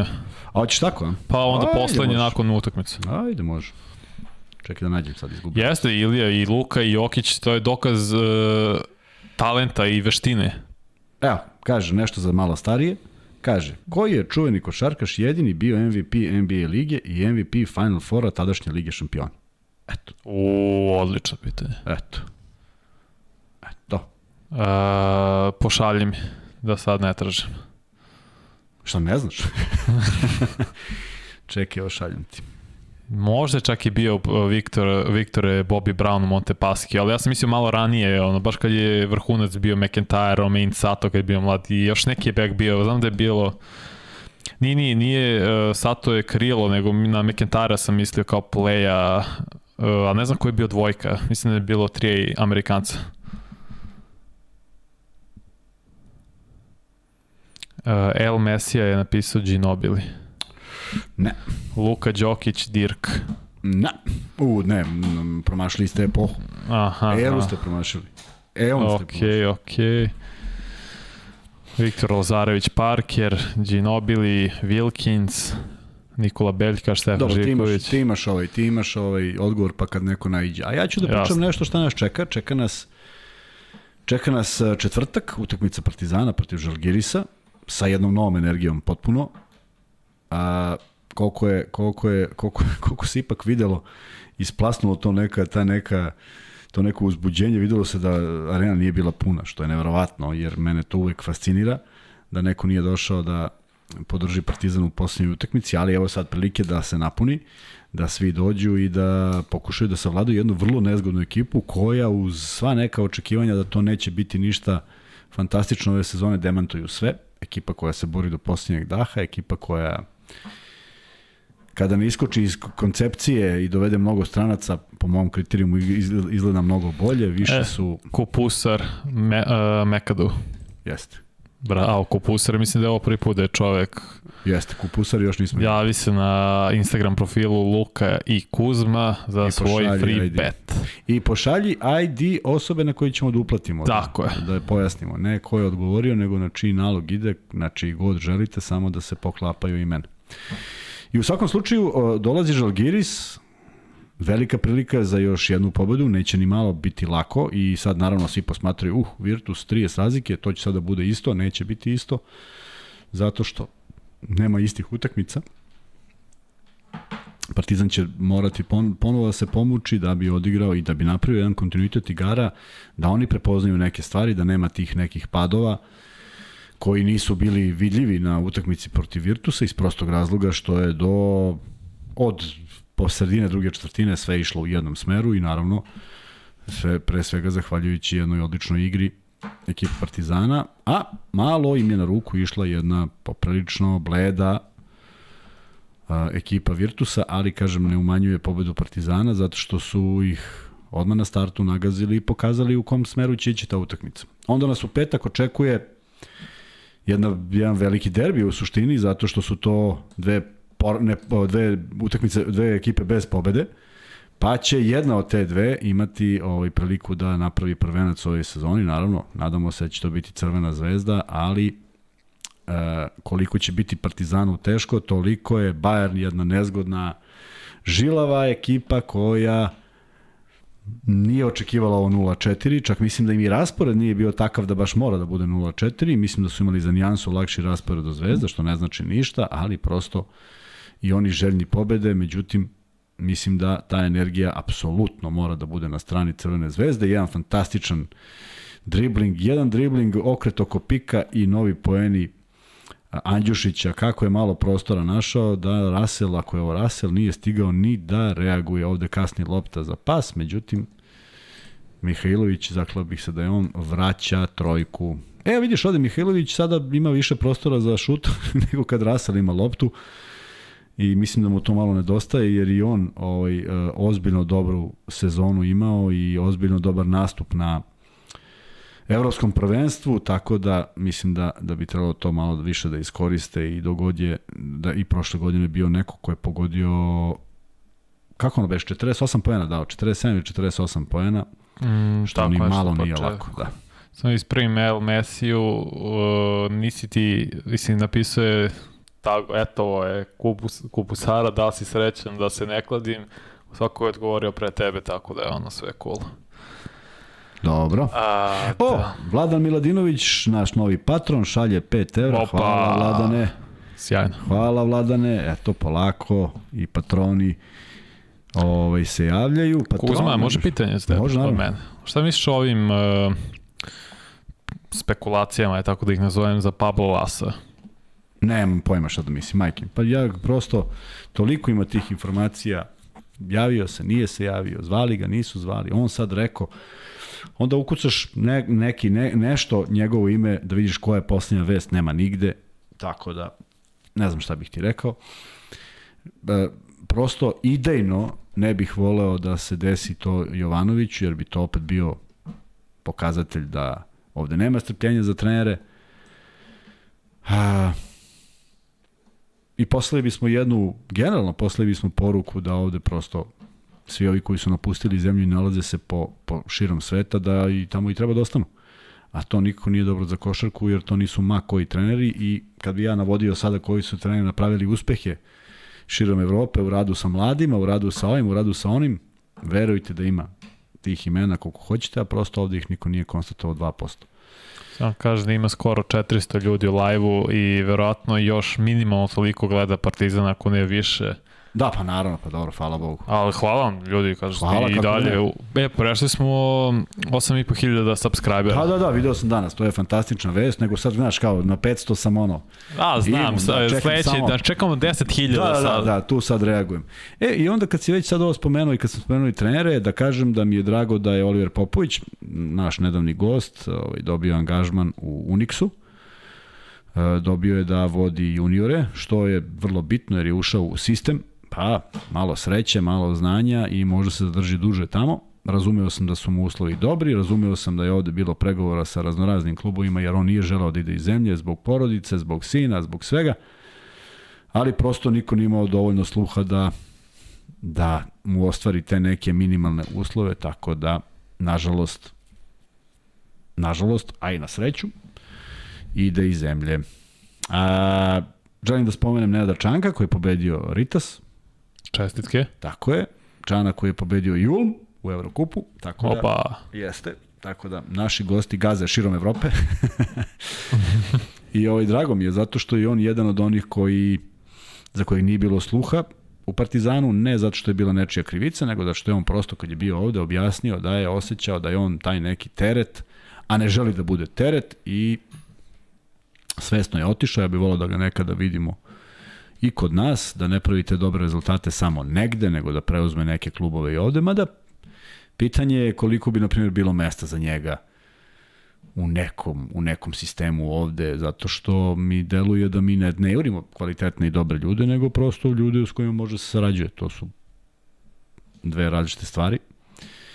I u svakom slučaju Čanku želim puno sreće i da nastavi ovako i da ove godine opet napravi dobar rezultat u Evrokupu, a da bude veliki konkurent ne samo Ritasu koji je već savladan i inače su ispred njih, mada bio onaj sukob jedan koji smo gledali na, na, na, na kanalima sport kluba kada se svađao i sa predsednikom i sa trenerom i sa svima iz Ritasa, tako da eto, pobedio ih je ponovo i to je dobra satisfakcija. Sad, par... Vraćamo se na utakmicu, 49-36, malo je živno Mornar, neki promašeni šutevi Partizana, Egzum promašuje sad za dva, Balš opet ne dolazi do lopte i kažem, tu mora bude ta njegova agresivnost da želi da skine svaku loptu. Stari treneri, o, o, old school treneri su govorili, ne, ne mora ti, kaže, baci back loptu, on šutne, a ti, kaže, skoči i skini loptu i eto te, tu, tako ćeš da daš koš. Tako da ima tu negde istine ovaj, u stvaranju te želje za skokom i i vidjet ćemo kako će se odvijati njegova karijera, ali zaista mislim da da je kod jednog od najboljih trenera i da ima šta da nauči Koliko, koliko želi da nauči, to je druga stvar. Russell napokon jedna dobra asistencija, ali nema koša, pošto je Panter stigao do Pecarskog koji je pokušao da zakuca ili Balša, neko od njih dvojice. Ne vidim ništa, čekaj, nemoguće da je Balša. Pitaju... Uh, Jes Balša. Da, pita Dejan Božović, je li istina da dolazi Leni Ukić u zvezdu? Prepostavljamo Roko Leni Ukić. Roko Leni Ukić, pa kako, koliko ima godina? Ne znam, je, ko su 36, možda 7, ne znam. I, ne verujem, I šta ne je... Istine, koja bi ideja bila?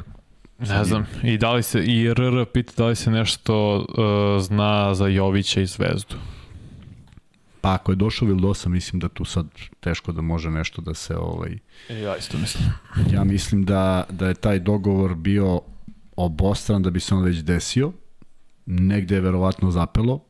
Nečiji uslovi sad čiji god da su, da li klubski ili Jovićevi, nisu bili nešto što jedna ili druga strana može da ispoštuje i to je to. Ali mislim da bi se već desilo sto puta, jer sad, sad kad dođe Vildosa, teško da Evo ga, Koprivica je skočio, skinuo loptu i onda ne sme, on prosto doda, ne da ne sme, nisam teo kažem da ne sme, nego ne sme da doda, teo sam kažem mora da ide na koš. Evo ga, ponovo hvata loptu i čak dobija faul.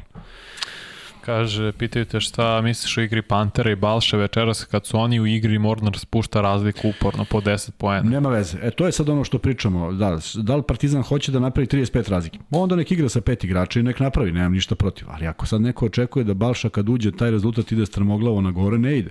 Prosto, mora da bude mora da bude i pad, mora i doseti čvrstinu, mora nešto da uradi, mora nešto da proizvede da bi se nametnuo. O, o njemu je veći problem nego mi koji gledamo. Dakle on ako želi da se nametne trener, on mora da se nametne kroz određene stvari. a ne zato što lepo izgleda zato što je visok i zato što je mlad, nego da nešto konkretno urodi na parketu. Tako da, a, mene ne očekuje pad rezultata, nego bi me razočarao pad u, u, u kontra. Dakle, da padne ispod svakog kriterijuma. A ovo što će pasti nekoliko poena, to je potpuno razumljivo ako će Partizan ili bilo koji tim dobiti spremnog igrača za petak u rotaciji da bude taj koji će da donese, evo još jedna rampa Rasela, nije mu jasno šta se dešava, baš Koprivica, Papa Petru, Panter da da li ulazi ova lopta, neće ni ova. Rasel naravno gubi još jednu loptu, Koprivica, nema koša. E, viš, e, ovo sad neke stvari da je jedan iskusan igrač ne krene na zakucavanje, a on nije iskusan igrač, nego uzme i lagano položi jer se ovaj zaleto i iznudi faul, ali to treba da stekne 10-3 u ovoj četvrtini za Mornar. Pa jeste, ali ovo je ludinjenje. Evo gledaj rampu, sad ne gledaj. Gledaju, ne mogu gledaju, da su, gledaju su pre 20 sekundi ljudi na televiziji. Russell, Russell u elementu. Balša još jedno pogađa, tako da ne vidim da pada rezultat, samo se promenila malo mhm. igra. A Panter, da bi pogodio u četvrtak, opet mora da šutira danas i tako to ide. Pišu da je, e, napisali su, pardon, da je, da je Simanić dobio otkaz. Pa jeste, pričali smo o tome, da. Ja, da, I Saragosa imao je potvrdu. Ne, ne, vidim i dalje piše samo da potvrdimo. Jeste, dobio je otkaz, to smo spomenuli na početku. I sad ću samo da, da, da bacim pogled na ovaj, jednu, jednu stvar. Ti to uradi i samo ti kažem da je Baskonija dobila juče Real. Jeste, da, vidio sam i, i. Da, i šta, i pitanje je koliko sad oni mogu ove sezone. Uh, da, ja mislim da bi mogli još više da se Havar nije prvo povredio, ali tako se desilo, sad ćemo vidjeti, morat će malo da se promene, promene neke stvari u ekipi, međutim, ne mora da znači da će to biti toliko loše, igraju sa puno samopouzdanja, ostvarili su već nekoliko pobeda, tako da vrlo interesantno da neko koji je došao iz potpuno drugog plana može da napravi zaista dobru, ovaj, dobru, dobru priču ove sezone. Naravno, kad bi pogodio prezime, bilo bi mi još lakše. Carski je sad najbolji strelac Mornar. Pa jeste, jeste, da, jeste. I to tako uvek izgleda. I uvek je on tu negde među najboljim strelcima, ali na kraju... Evo, kaže ovako, Saragosa, Boriša Simanić, kaže ovako. Igrao je 19,6 minuta prosečno. Postizao 3,2 poena prosečno. Iz igre imao 50%. Uh -huh iz igre za dva poena. I to 8-4. A trojki 2 od 10. 2-2 slobana bacanja, 10 skokova ukupno, 0 asistencija, prosečno ukupno ima 5 faulova i 2 blokirana šuta. Najviše je postigao protiv Gran Kanarije u porazu. Igrao je 25 minuta, 9 poena i to je to što sve što je radio. 2 puta 0, za 16 i 18 minuta i manje više to je to. I mene to uopšte ne veseli, naprotiv, baš mi je žao jer sam mislio da će gledamo ponovljeno sad dok sam ovo pričao za kucavanje egzuma, što znači da se Partizan ponovo odvojio, Mihajlo Pavićić uzeo time out i... Samo ti kažem da je Baskonija vratila Henrya. Da, da, video sam i to, da. Henry je vraćen. A da li si znao da je Dangubić u Peristeri? I to sam da znao, i to sam da. baš teo da pogledam kako je igrao. Ali ima neku informaciju kako je igrao? Drago mi je da je našao klub, ali da ćemo da im. Ali vidi, aj sad ovako. Znači ti aj. sad kažeš Dangubić u Peristeriju, onda uzmeš i zaključiš i kažeš ok, u Peristeriju je i Spanulis. Spanulis kome je menadžer bio Miško i onda shvatiš da je Dangubić tamo vrlo verovatno iz tih razloga. Što nisu baš mnogo košarkaški razlozi. A ja bih volao da on tamo ode i da igra košarku baš zato što ovaj, jesu košarkaški, da ga je neko baš hteo zato što hoće njega. U svakom slučaju, u Prometeasu igra, nije u Peristeriju. Šta šta? Nije u Peristeriju, u Prometeasu, uopšte nije tamo. Ja pitao Dejan 77, je li Kuzma vidio da Dangović u Grčkoj u Peristeriju? Ali gde je zapravo ponovi? Pa priše Prometeas. Prometeas. U svakom slučaju, ne znam, sad mi nije jasno. Nije ni važno. Ali piše da je u Prometeasu, nemaju Dangubića, piše ovde da je odigrao 19 minuta u ligi, 4 poena, igrao je u kupu, 11 minuta, 5 poena. Izgubili su od Rodosa 69-67. Ajde da mu poželimo sreću, Dangubić Nemanja, jeste, eto ga, to je 19, 2-1 za 3, 1-1 za 2. U Kolososu igra Saša Stefanović, jako malo, 7 minuta, 1-0 za 2, 2-0 za 3 i dva faula, teško se navikava na evropsku košarku. 57-41, 4 minuta do kraja. Balša i dalje u igri i mislim da mora koristiti svake do ovih minuta i da napravi nešto mnogo konkretnije. U svakom slučaju, uh, ima još puno interesantnih igrača koje ću za sledeći put da pripremim. Malo je teže kad sam sam, pa zbog toga. Opet zakucavanje Nanelija. Koliko je sad? Je li opet skočilo na 20? Da, 59-41. Dakle, ponovo su na onoj istoj razlici. Sve to lako rešava Partizan. Rasel i dalje na parketu, ali se bori uvek sa dvojicom. Ali evo vraća trojku Mihajlović ja se nadam da je on. Jeste. Lep izbačaj, 6, 2 od 6 za 3 ima do sada i malo spušta prednost 59-44. Da, ima mnogo igrača koji zavređuju pažnju, mnogi, neki su bili kod nas, da pričamo i o njima, da malo ispratimo kako oni igraju kroz te lige. Uh -huh. uh, zato što jeste najpraćenija Euroliga, ali kažem, ima mnogo tih uh, igrača koji su negde ostavili dobar utisak, pa potražili sreću na nekom drugom mestu. Neki uspeli, neki manje uspeli, ali mislim da nas stvarno ima po celom svetu i Ne znam da li postoji neka liga u kojoj nema srpskog igrača. Rasel na isteku napada, Mihajlović sa linije od Bojkaške. Uš. Još jedna trojka, 12 pojena, sad jedno vidi panik, ni otkuda. Ovde je sad neko napisao, sad ja ne znam da li to istini morao bi da proverim brainstorm. Uh, komentar na to da je Zvezda dobila 35 utakmica protiv FNP-a u nizu. Moguće da nisu izgubili jednu, vrlo moguće, da. Wow. Da. Evo, ne, Nikola NBA kaže Adam Saut, traži mu se klub postanje informacija. I imamo bre ljudi koji... Kome se traži? Traži mu se klub, Adamsu, da je out. A da, da, da, da, da, informacije. Da, da, traži mu se klub, da, i sad traže način za sporazum i raskid ugovora, pa da. E, ne znam, e, ja mislim da je, ne mogu kažem da je prerano, ja bih ga probao još na nekoliko utakmica, ali ovaj, opet taj utisak koji mi Koliko nemamo... Koliko utakmica prošlo? Osam. Pa da, ali mi taj utisak sa treninga nemamo. Eto, naravno, još jedna naravno. kada Balše. Očigledno da nije igrao protiv ovako visokih igrača, Rasel. Evo ni Mihajlo Pavićeviću nije jasno šta se dešava ali prosto Balša je mnogo visok i ima odlično osjećaj za skok. Da imamo sad 7 sekundi, Mihajlović ponovo, pa onda Niko i naravno promaši. 1.55, 12 pojena prednosti, obe ekipe u bonusu, Madar, Andjušić, Balša, Naneli i Papa Petru. Ja kažu da od 2011. FNP nije pobedio Zvezdu. Da, vrlo moguće. Baš dosta. A neko je pisao za moje mišljenje o, o, sus, o suspendovanju Jovića jedan meč nisam video incident.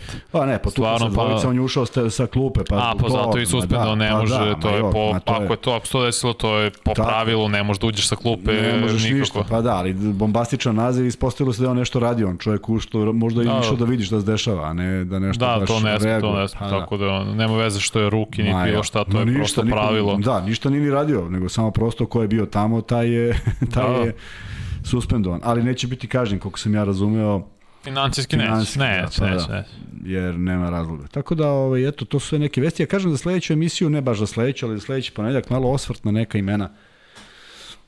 Retrospektiva. Jeste, koja smo zaboravili, koji su nam nekako izleteli izvan vidokruga. Uh, pitam me mišljenje o Fili koja je 0-3 o 76ers. Pa 0-3 traži se novi stil igre. Prve dve utakmice Harden je izdominirao, imao igrao je kao nekad u Houstonu, izgubili su, Embiid nije mogu se pronađe, poslednji meč suprotno skroz, Embiid imao koliko, 40 poena, a Harden bio grozan, tako da mislim da opet iznova traže kako da se njih dvojica uklope. Igrali su super zajedno prošle na kraju prošle sezone zato što pre svega Harden je bio van neke šuterske forme i nije ličio na sebe. I sad tražili su da Harden više igra svoju igru i evo šta se desilo, onda Embiid ne može da se pronađe, tako da mislim da to stvar samo da se uklope njih dvojica, ali trebao bi Embiid da bude broj 1, a Harden odmah tu ispod njega. Evo sad gledamo jedan detalj ovaj, e, kako izgleda odbrana kada imate ideju kako da sačuvate čoveka koji daje 40 i plus poena i ostao je sada na par sekundi do kraja napada, Madar na njemu i on je krenuo prema Balši Koprivici, onda izašao i Balša Koprivica i onda je Russell šutirao preko Koprivice, još je nagazio out liniju, tako da je mnogo teško kad igrate protiv kombinovane odbrane, protiv odbrane koja zna šta radi i protiv ljudi koji znaju kako da odbrane koš. I da imaju posljednji napad za, za bar, i odmah ide udvanje. Tako, on, samo ideja, upravo samo ideja da se Russell oslobodi lopte, ko pogodi od ovih drugih, potpuno nevažno, samo onda se ne razigra i Petar Vujačić daje svoj sedmi poen, što manje boli nego da je to Russell ušao u neku seriju. 12 poena razlike za Partizan, da ima posljednji napad Madar, i evo ga Papa Petru sam za 3, evo ga. 6, 10, 4, 49, mislim da je dobio bar ovu četvrtinu 3-4 razlike. Koliko je? 64, 49. Bilo je 19, ja mislim. 22, 18. Eto, četiri razlike je dobio bar, ali to naravno ne može da se oseti. I eto, upravo jer četiri razlike jeste, jel se smanjilo jeste, jel 15 jeste, jel Balša na terenu 7-8 minuta jeste, svi, svima dobro, a on stiče samopouzdanje u svim tim minutima i ja mislim da to znači svakom igraču koji zna to da iskoristi u razgovoru s njim i u svemu što smo prošli tih godinu dana. Deluje kao inteligentan dečko, pritom išao u školu, obrazovanje, i mislim da vrlo lako kapira neke stvari i da zna šta mu je činiti, ali neke stvari koje ima u sebi, to se teško menja, neke se lakše menjaju. Ono što je dobro za njega, ima od koga šta da nauči i od svojih saigrača i od svog trenera, prema tome sve je na njemu dalje.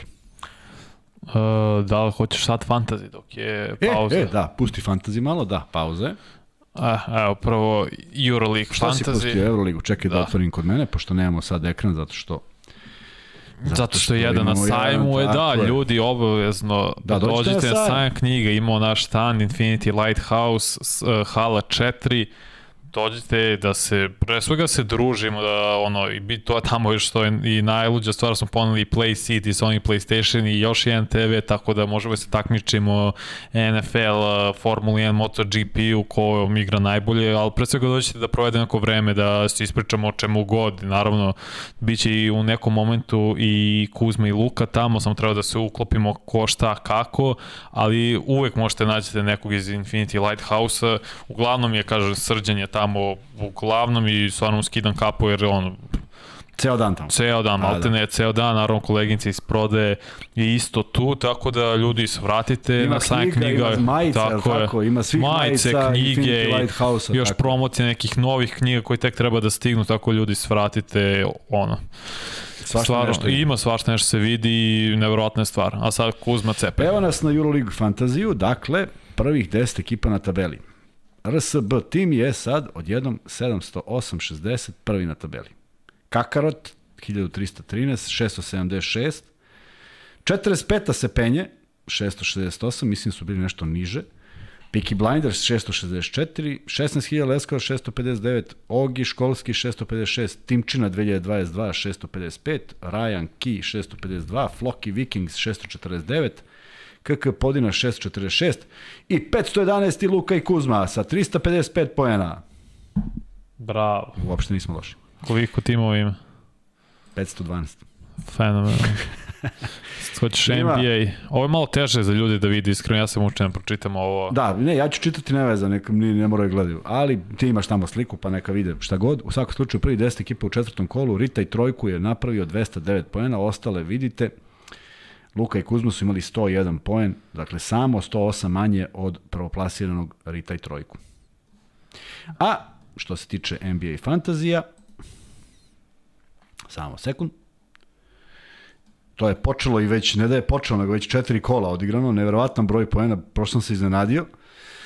Prvi je rock and roll, 625 poena i on je jedini tim koji je prešao 625. Zatim ide FK Polet 558, Indeksovci 555, Arsić 99 525, Ražanj Warriors 518, Bugari 491, Togo 483, Čofkica, Čofkica 477, Mondo Gecko 464 i AMBBC 463, dok je u ovom kolu opet rock and roll osvojio najveći broj poena, falilo mu je malo do 200, 199,15, vidite, ostale, tu je ponovo Arsić, tu su Bugari, ali, na primjer, ovde piše sad, aha, greška je u kucanju, ali, na primjer, tu se Hajduk Čepure ubacio kao peti sa 146,46, ima još nekih novih, u svakom slučaju, deluje da je zanimljivo.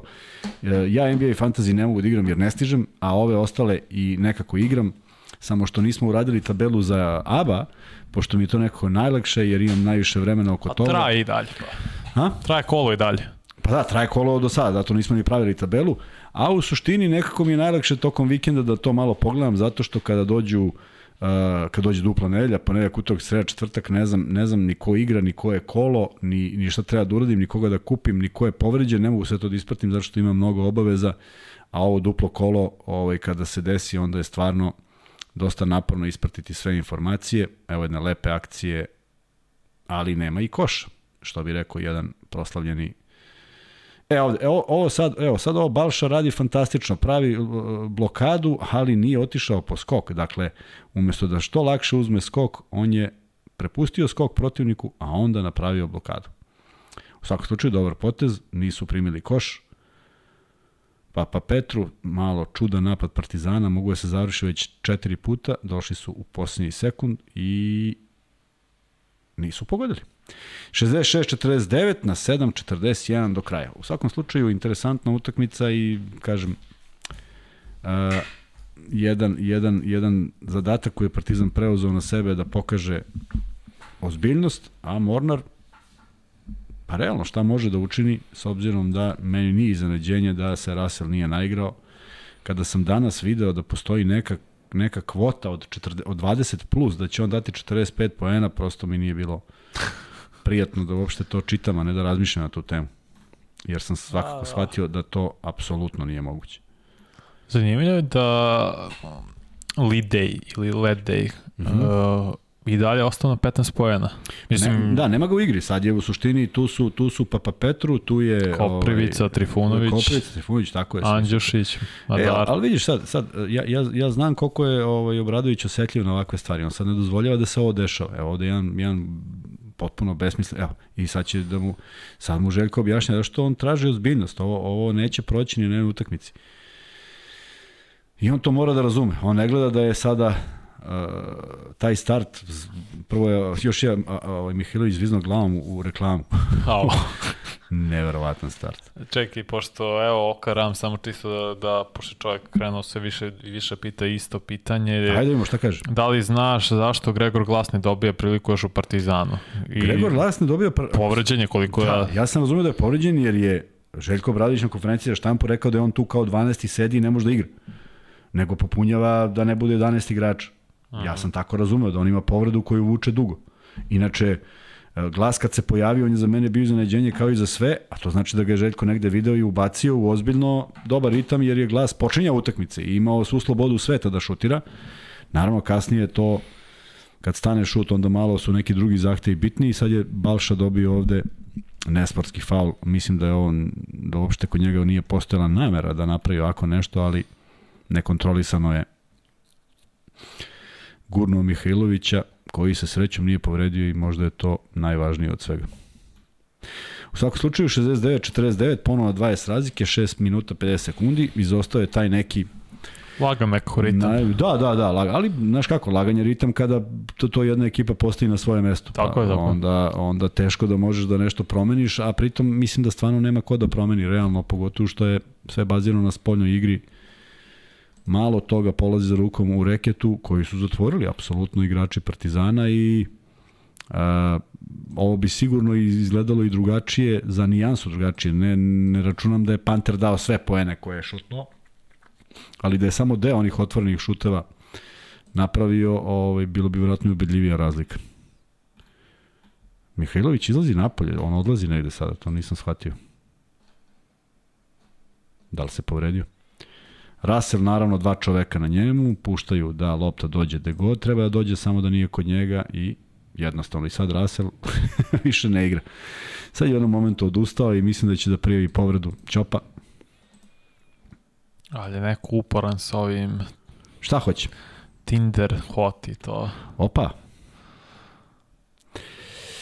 Evo da vidimo šta se dešava, malo se izgubila neka kontrola igre. Evo, Trifunović uh, seče loptu, ali sudije sviraju, ne znam šta sviraju. U svakom slučaju mislim da ovde neće biti baš, a, faul u napadu je još dosuđen, ovaj, Vučević se lepo postavio. Šteta, propala je konta Trifunovića. E, mislim da neće ovde biti nešto, ne, nekog iznadženja, tako da ćemo imati sledeću situaciju. Partizan će imati maksimalan učinak, Zvezda utakmicu manje i maksimalni učinak. Ili imaš neko s maksimalnim učinkom? Ne bi trebalo. FNP je danas izgubio. Mm, da sad ću ti kažeš. Da.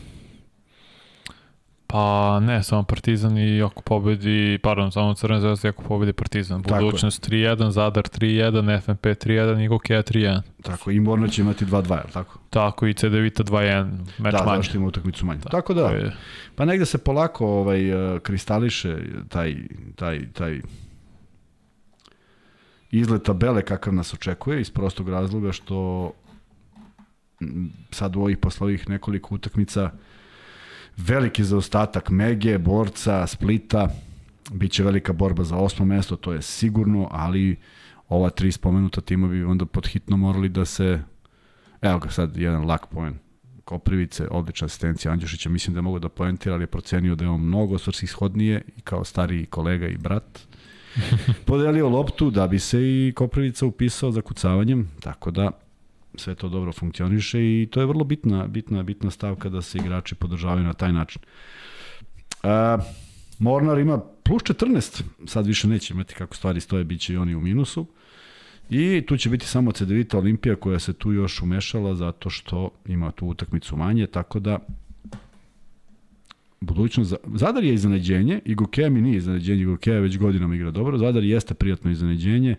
Cibona je sve iznenadila sa 2-2 s obzirom da su bili pred uh, gašenjem na početku sezone i tu će biti jako velika borba, ali kažem, ako se neki tibovi ne probude u narednim kolima, bojim se da će im ova sezona biti u borbi za opstanak. U svakom slučaju, očekuje nas po prvi put pravi play-off, prvo, prvi sa osmim i tako dalje. Vidjet ćemo šta će to doneti, u kom će periodu da se igra i da li će uticati na neke evroligaške utakmice, eventualno Crvene zvezde i Partizana. Ja ne želim da verujem da je bilo šta izgubljeno za ova dva tima dok ne bude i matematički izgubljeno, prema tome treba nadati se, Aha. treba pobeđivati u svakoj utakmici. Trifunović postiže trojku.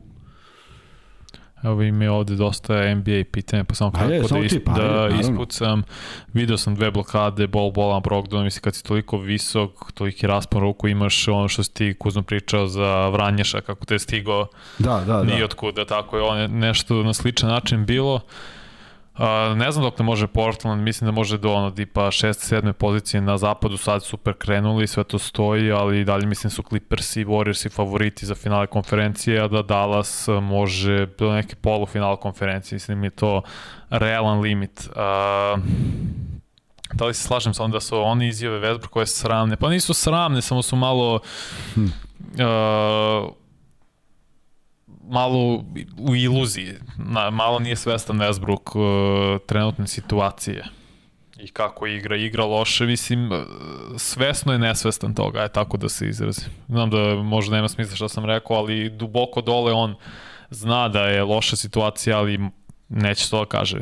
Ipak i on ima ego čovjek i mislim da je najbolja stvar da se promeni sredina i to je iz Lakersa će biti dobro i za, i za Westbrooka pre svega. Nažalost, izvini, moram te samo da Čep. dodam jedna, jedno nepriznata, jedno nepriznato zakucavanje, falo napadu nad Vranješom. Je bilo dobro zakucavanje. Jeste, bila fantastična akcija, Željko se čak ljuti, verujem da mu nije stalo do poena koliko do neke nagrade toj, toj igri, jer je bio pas iza leđa za Lideja, ali oj, ovaj, dobro se postavio Vranješ, sad ovde bi trebalo da su već koraci, ne znam šta se izdešavalo, međutim, neumoljivi sudijski trio je rekao da je ovo faul u napadu i otuda rezultat 74-57. Komentare smo prvo polovreme Golden State i Kingsa, mislim, neverovatno je, stvarno. Je, da, pričali smo malo o tome, jeste i verujem al, da. ne verujem da Westbrooka, što neće da upodobrim taj izraz El Mesija, jeste puno para dobija, ali njima je, oni dobiju pare na sve strane. Ovo je više uh, lično i stvar ega. Mislim, kad si ti bio MVP, beleže triple-double u proseku i sada spadneš na ovo, mi to je ono u ogromnu udarac za ego i nije ti svejedno. Mislim, ljudi pričaju sad svašta i konstantno te kritikuju i vređaju. Nije, nije lako da se nosiš s tim, a nekad si bio jedan od najboljih igrača u ligi. Ne znam da li si ti kad susreo Kuzman s tim, ili u smislu neki tvoj saigrač, on bio vrhunski igrač, samo toliko pala o, forma. Jeste, da, da, da, bilo je moment. Koliko je teško zapravo da se vratiš iz toga, da prihvatiš to. E, na šta je te, da, teško je da uopšte shvatiš na kom si nivou. I ti to ne vidiš ili ne želiš da priznaš. I zaista onako, bude ti te, meni je bilo teško da ga gledam i da, ovaj, da, da ne mogu da mu objasnim da, da mora nešto da promeni i da to više nije to. I onda se stvarno negde u nekom momentu to i desilo i postao je bolji i nikad se nije vratio u onu formu, ali je, ali je makar shvatio šta se dešava i pokušao, učinio sve da poboljša i na kraju je poboljšao i posle smo imali i uspeha zahvaljujući tome jer je bio vrlo bitan za petorku, tako da znam na što misliš i, i negde, negde to je velika, veliki problem da se nosi neko sa tim. Da, uh, evo za Gavrilo Principa radili smo detaljnu najavu NBA sezone Luka ja prošli ponedeljak, tako da imaš na kanalu po time kodovima, po diviziji sve i možeš da čuješ da, tu mišljenje u Atlanti. Da, i to je jedno 3 sata, ako se ja dobro sećam. Evo ga, Balša Koprica, dobra asistencija za kucavanje. Ovakva čustina i još više, još veća čustina, malo čast par faulo nad njim, to mora da bude u ovoj u, na ovakvim utakmicama na još višem nivou da mu se mnogo teže izbija lopta nego što se to dešava. Još jedna dobra odbrana Partizana, Percarski sve lagano, ali ovoga puta uspeva da poentira. Koliko do kraja? Minuti 45, 79, 59. Ništa, posledno kažu da je Barcelona prošle sezone dobro otvarala sezonu, sve dobila na kraju ništa ne osvoje. Da sad možda negde i taktički sporo kreće? Ne, ne, ne, nema tu taktike. A naravno. Ali Mirotić apsolutno pali. To je ono, očigledno. Apsolutno, ali, ali ja mislim da imaju dovoljno dobar sastav i da, da nemaju tih problema. Hoćeš da najaviš i ovu četvrtak još? Da, je, da, da imamo šta se igra od uh, U 15 do 7 Olimpijakos protiv Monaka. Dobro. Olimpijakos Monako? Da. Da, inter, vrlo će biti interesantna utakmica. Olimpijakos je neporažen. Monako sa dosta uspona i padova, ipak je tu drugu utakmicu, posljednju utakmicu uspeo da reši u svoju korist, iako je i protiv Makabija imao ozbiljno vođstvo i sve je delovalo da je ta utakmica već završena, međutim, snašli su se igrači Makabija, preokrenuli sve i pobedili. Ali ovo drugi put nisu dozvolili takvo iznenađenje, mislim da posjeduju odličan tim, da možda još malo treba da neke stvari poslože, ali bit će opasni na bilo kom terenu, bilo kao domaći, bilo kao gosti. Još jednu loptu krade Madar i ne zakucava, nažalost. Hteo je, ali je promašio. Eto, to polaganje. Uh, Makabi Panathinaikos u 8 Sad lepa asistencija i vraća uh mhm. -huh. i vraća ovaj Pecarski. Dva poena su dva poena, to sam u duju govorio i kada Tako se zakuca i kada se položi, ali eto sav taj neki bes pozitivan tu energiju hteo je da da zakuca, međutim šteta. Makabi Panathinaikos. U 20 časova i 5 minuta. Opet, opet utakmica koja je biti ili ne biti, pa ne u pravom smislu reči, ali strpljenje navijača Makabija. U, kakvo zakucavanje Vukčević je dobro, finta šuta bez koraka u prvu polasku i onda bum, lepo. A, šta si rekao? Makabi. Makabi, Makabi Panathinaikos. Makabi Panathinaikos. Pa znaš šta, Makabi je zaista čudna ekipa koja je uspela da gubi jedno vreme i sad, sad se ovdje igra onako dosta rekreativno, znaš. I pokušavaju jedni i drugi da zakucaju i, i svašta se nešto dešava. I neko kaže da je to sve lepo, meni ne, ali koje to vezima ja više volim kad je ozbiljno. E, znaš da nikad, da, da sam, ja sam tri puta učestvovao na onim All Star utakmicama i uopšte nisam osjećao prijatno, jer nisam mogao da bacam neke pasove sad iza glave. I onda sam igrao dosta, dosta ovaj, takmičarski. pa dobro, ja to i više volim, iskreno. Pa, tako? To je bilo... Sad, kao odemo tamo i glupiramo se. To je bilo u NBA-u sve do neke 2000 14. 15. Pa da. Znači, a u poslednji, znači od tada, pa Poslednji pa se vratimo poslednjih 15 minut, 15 godina, igraš da pobediš, da, je. atraktivno je sve, tako je. ali poslednje drugo po vreme to puca, nema tu... A kako da ne, pa tako sam ja doživio i pritom igram sa igračima s kojima nemam priliku da igram. Znači ja mislim da sam tamo u Leskovcu i Oliver Popović koji, s kojim do tad nisam igrao i Grušanović, prvi put sam igrao s Grušanovićem. Mhm. Uh -huh. I onda naravno da hoćeš da pobediš. Ja sam igrao prilično ozbiljnu utakmicu. možda, možda se to mnogima ne dopalo, ali prosto ovaj, ja volim kad je manje više sve ozbiljno. Ima vremena za, neku, za neko opuštanje, ali ne da se preteruje. Uh... Šta smo pričali? Makabi, da. Dosta ekipa koja, koja igra promenjivo i iznenade i sami sebe, verovatno. Igra protiv Panatanikosa koji je zaista u ozbiljnom problemu. Uh, koliko sam rekao da mi se nije dopalo, a možda i nekim navijačima Partizana jeste, ali meni nije, da je Leda i postigao sve poene za Partizan u jednoj četvrtini svih 12, e onda treba da zna da je Williams postigao 25 za redom. Što takođe govori o jednom problemu, pošto to ne može bude normalna situacija i, ovaj, i nije bilo dovoljno za pobedu. Evo, pozdravljaju se Mihajlo Pavićević i Željko Bradović. Gotov meč. Gotov meč, da, 20 razlike, svi nasmejani, to je divno. Sjajno. Uh, zašto Dejan 77, da li sam vidio izjavu Lenarda da uopšte ne prati košaku, samo pogleda snimke protivnika pred meč? Pa dobro, pazi, mislim, nije samo pred meč sigurno. Sigurno radi intenzivno. Ko? Kawhi Leonard. Jedan najboljih igrača u ligi. Sigurno uh, odličan igrač, svi dobiti se Kuzma.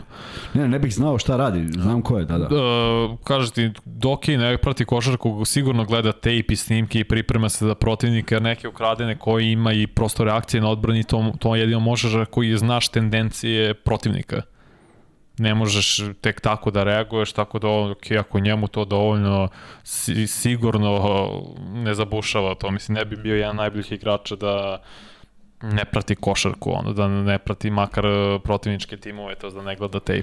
Da, sumnjam da, da, da baš tako funkcioniše, pogotovo oni koji žele da znaju sve uh, i navikli su na tako pa nešto. Pa da, Valencija, Berlin. To je Valencija Alba. Berlin, da. Valencija sa jednom, sa jednom, sa jednom fantastičnom pobedom protiv ovaj, Efesa. A, sigurno da im to mnogo znači, jeste ona vrlo neobična i kako je Efes došao u mogućnost da pobedi, a onda kako je Valencija pobedila i šta se sve izdešavalo u tih 15-20 sekundi, neverovatno da kad bi neko režirao rekli bi da preteruje, a ono je stvarno moguće. Tako, jednom ispala lopta, drugom ispala lopta, treći izašao aut i tako dalje. U svakom slučaju, Valencija, to je poprilično neočekivana pobeda, koja je uzdrmala malo Efes i onda dolazi taj poraz od, od Burse, koji ni malo nije naivan, zato što govori da postoje neki problemi, ako ne problemi unutar ekipe, a onda ono neki organizacioni problemi i nedostatak igrača, pošto Micić i Klajborn su ti koji vode glavnu reč u svakom slučaju, rekao si Valencija i Alba. Alba. I Alba koja naravno igra besprekorno. 3-1. Tako je, 3-1 i to su poklekli u finišu utakmice. Vodili su manje više celu, igraće u istom ritmu, dogodih šut služi i ovaj, vrlo je vrlo nezgodna ekipa, ali kažem, ja se bojim da ta košarka ne daje rezultat dugoročno Volio bi da me demantuju, onda bih rekao da menjam svoje pozicije što se toga tiče. Dokazali su, dok ne dokažu, dok ne dokažu, ne. Hoćeš dalje? Hoću. I poslednji meč tog dana, pošto smo prošli već Partizan mm -hmm. i Žalgiris, ako ne želiš što dodatno da dodaš. Ne. Real Madrid Virtus u 15 do 9. U, uzrmani, uzrmani jedni i drugi. Real je izgubio sad za vikend, ili tako beš? Mm, da, od Baskoni. Tako je. Izgubio je, uh, nije, nije to tako ekipa koja funkcioniše kao što jeste. U krajnjem slučaju, čak i protiv Zvezde se videlo tu u nekom momentu da, da nešto ne funkcioniše. Međutim, rutinski su pobedili, ipak imaju odličnu plejadu igrača, ali eto, Baskonija je naišla i sad šalje već neku poruku da je Real pobediv. Uh, sad dolazi ta utakmica, vidjet ćemo kako će se snaći. Čekaj još samo sekund. A Barcelona je takođe izgubila, je tako danas? Mm, ne znam. Čekaj, čekaj, baš, baš bi da pogledam. Pogledaj, pogledaj Bar Barcelonu. Igrala je u, u španskom prvenstvu i mislim da je i ona poražena. Sad ćemo da vidimo. Da, ali uh, Realu dolazi, Reali dolazi Virtus koji je još u goroj situaciji. zaista neobjašnjivo kako su izgledali, ekipa koja je možda i najviše se radovala ovoj sezoni Evrolige, nisu mnogo menjali sastav, jesu, ali ne mnogo, i odjednom jedno, jedan, jedan bled početak cele sezone, jedan poraz od uh, Žalgirisa u... A, pa nije, dobili su Tenerife. Jesu dobili Tenerife? 67-65. Aha, znači neka muka jedva. bila. E pa dobro, jedva. Da, da, znam da je nešto bilo sa rezultatom. Juč, juč. Znači, u, u tešku muku. E sad, ovaj, uh,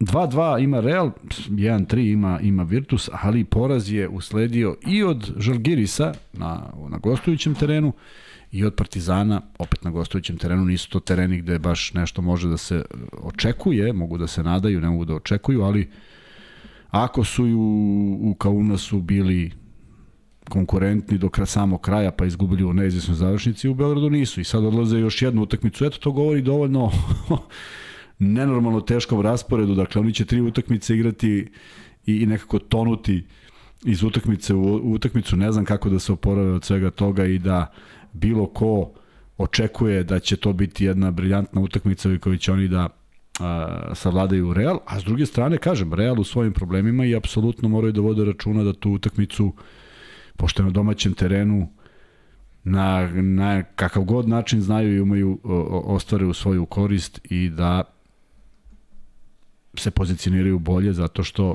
mislim da će ove godine ogroman broj ekipa konkurisati za Final Four, za top 8. Dobro, ko smo, maltene smo sve prošli, imamo još jedan free bet, ja imam baš jedno pitanje e, za ABA ligu. E, ako imaš pitanje, daj ga onda. Koliko Ko je to je, već? 10 do 11, su? Uh, pa dobro, tu smo, tako je, da. Ko je bio najbolji strelac četvrtog kola ABA lige? Ko je sad završen? Eto. Sad kad je već završeno, da pitamo.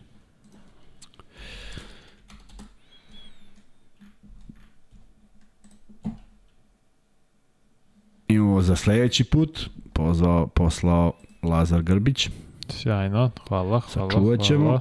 Ivan Pejić kaže, Barsa dobila Tenerife dva razlike. Hvala Ivane. I tako ljudi svašta pišu.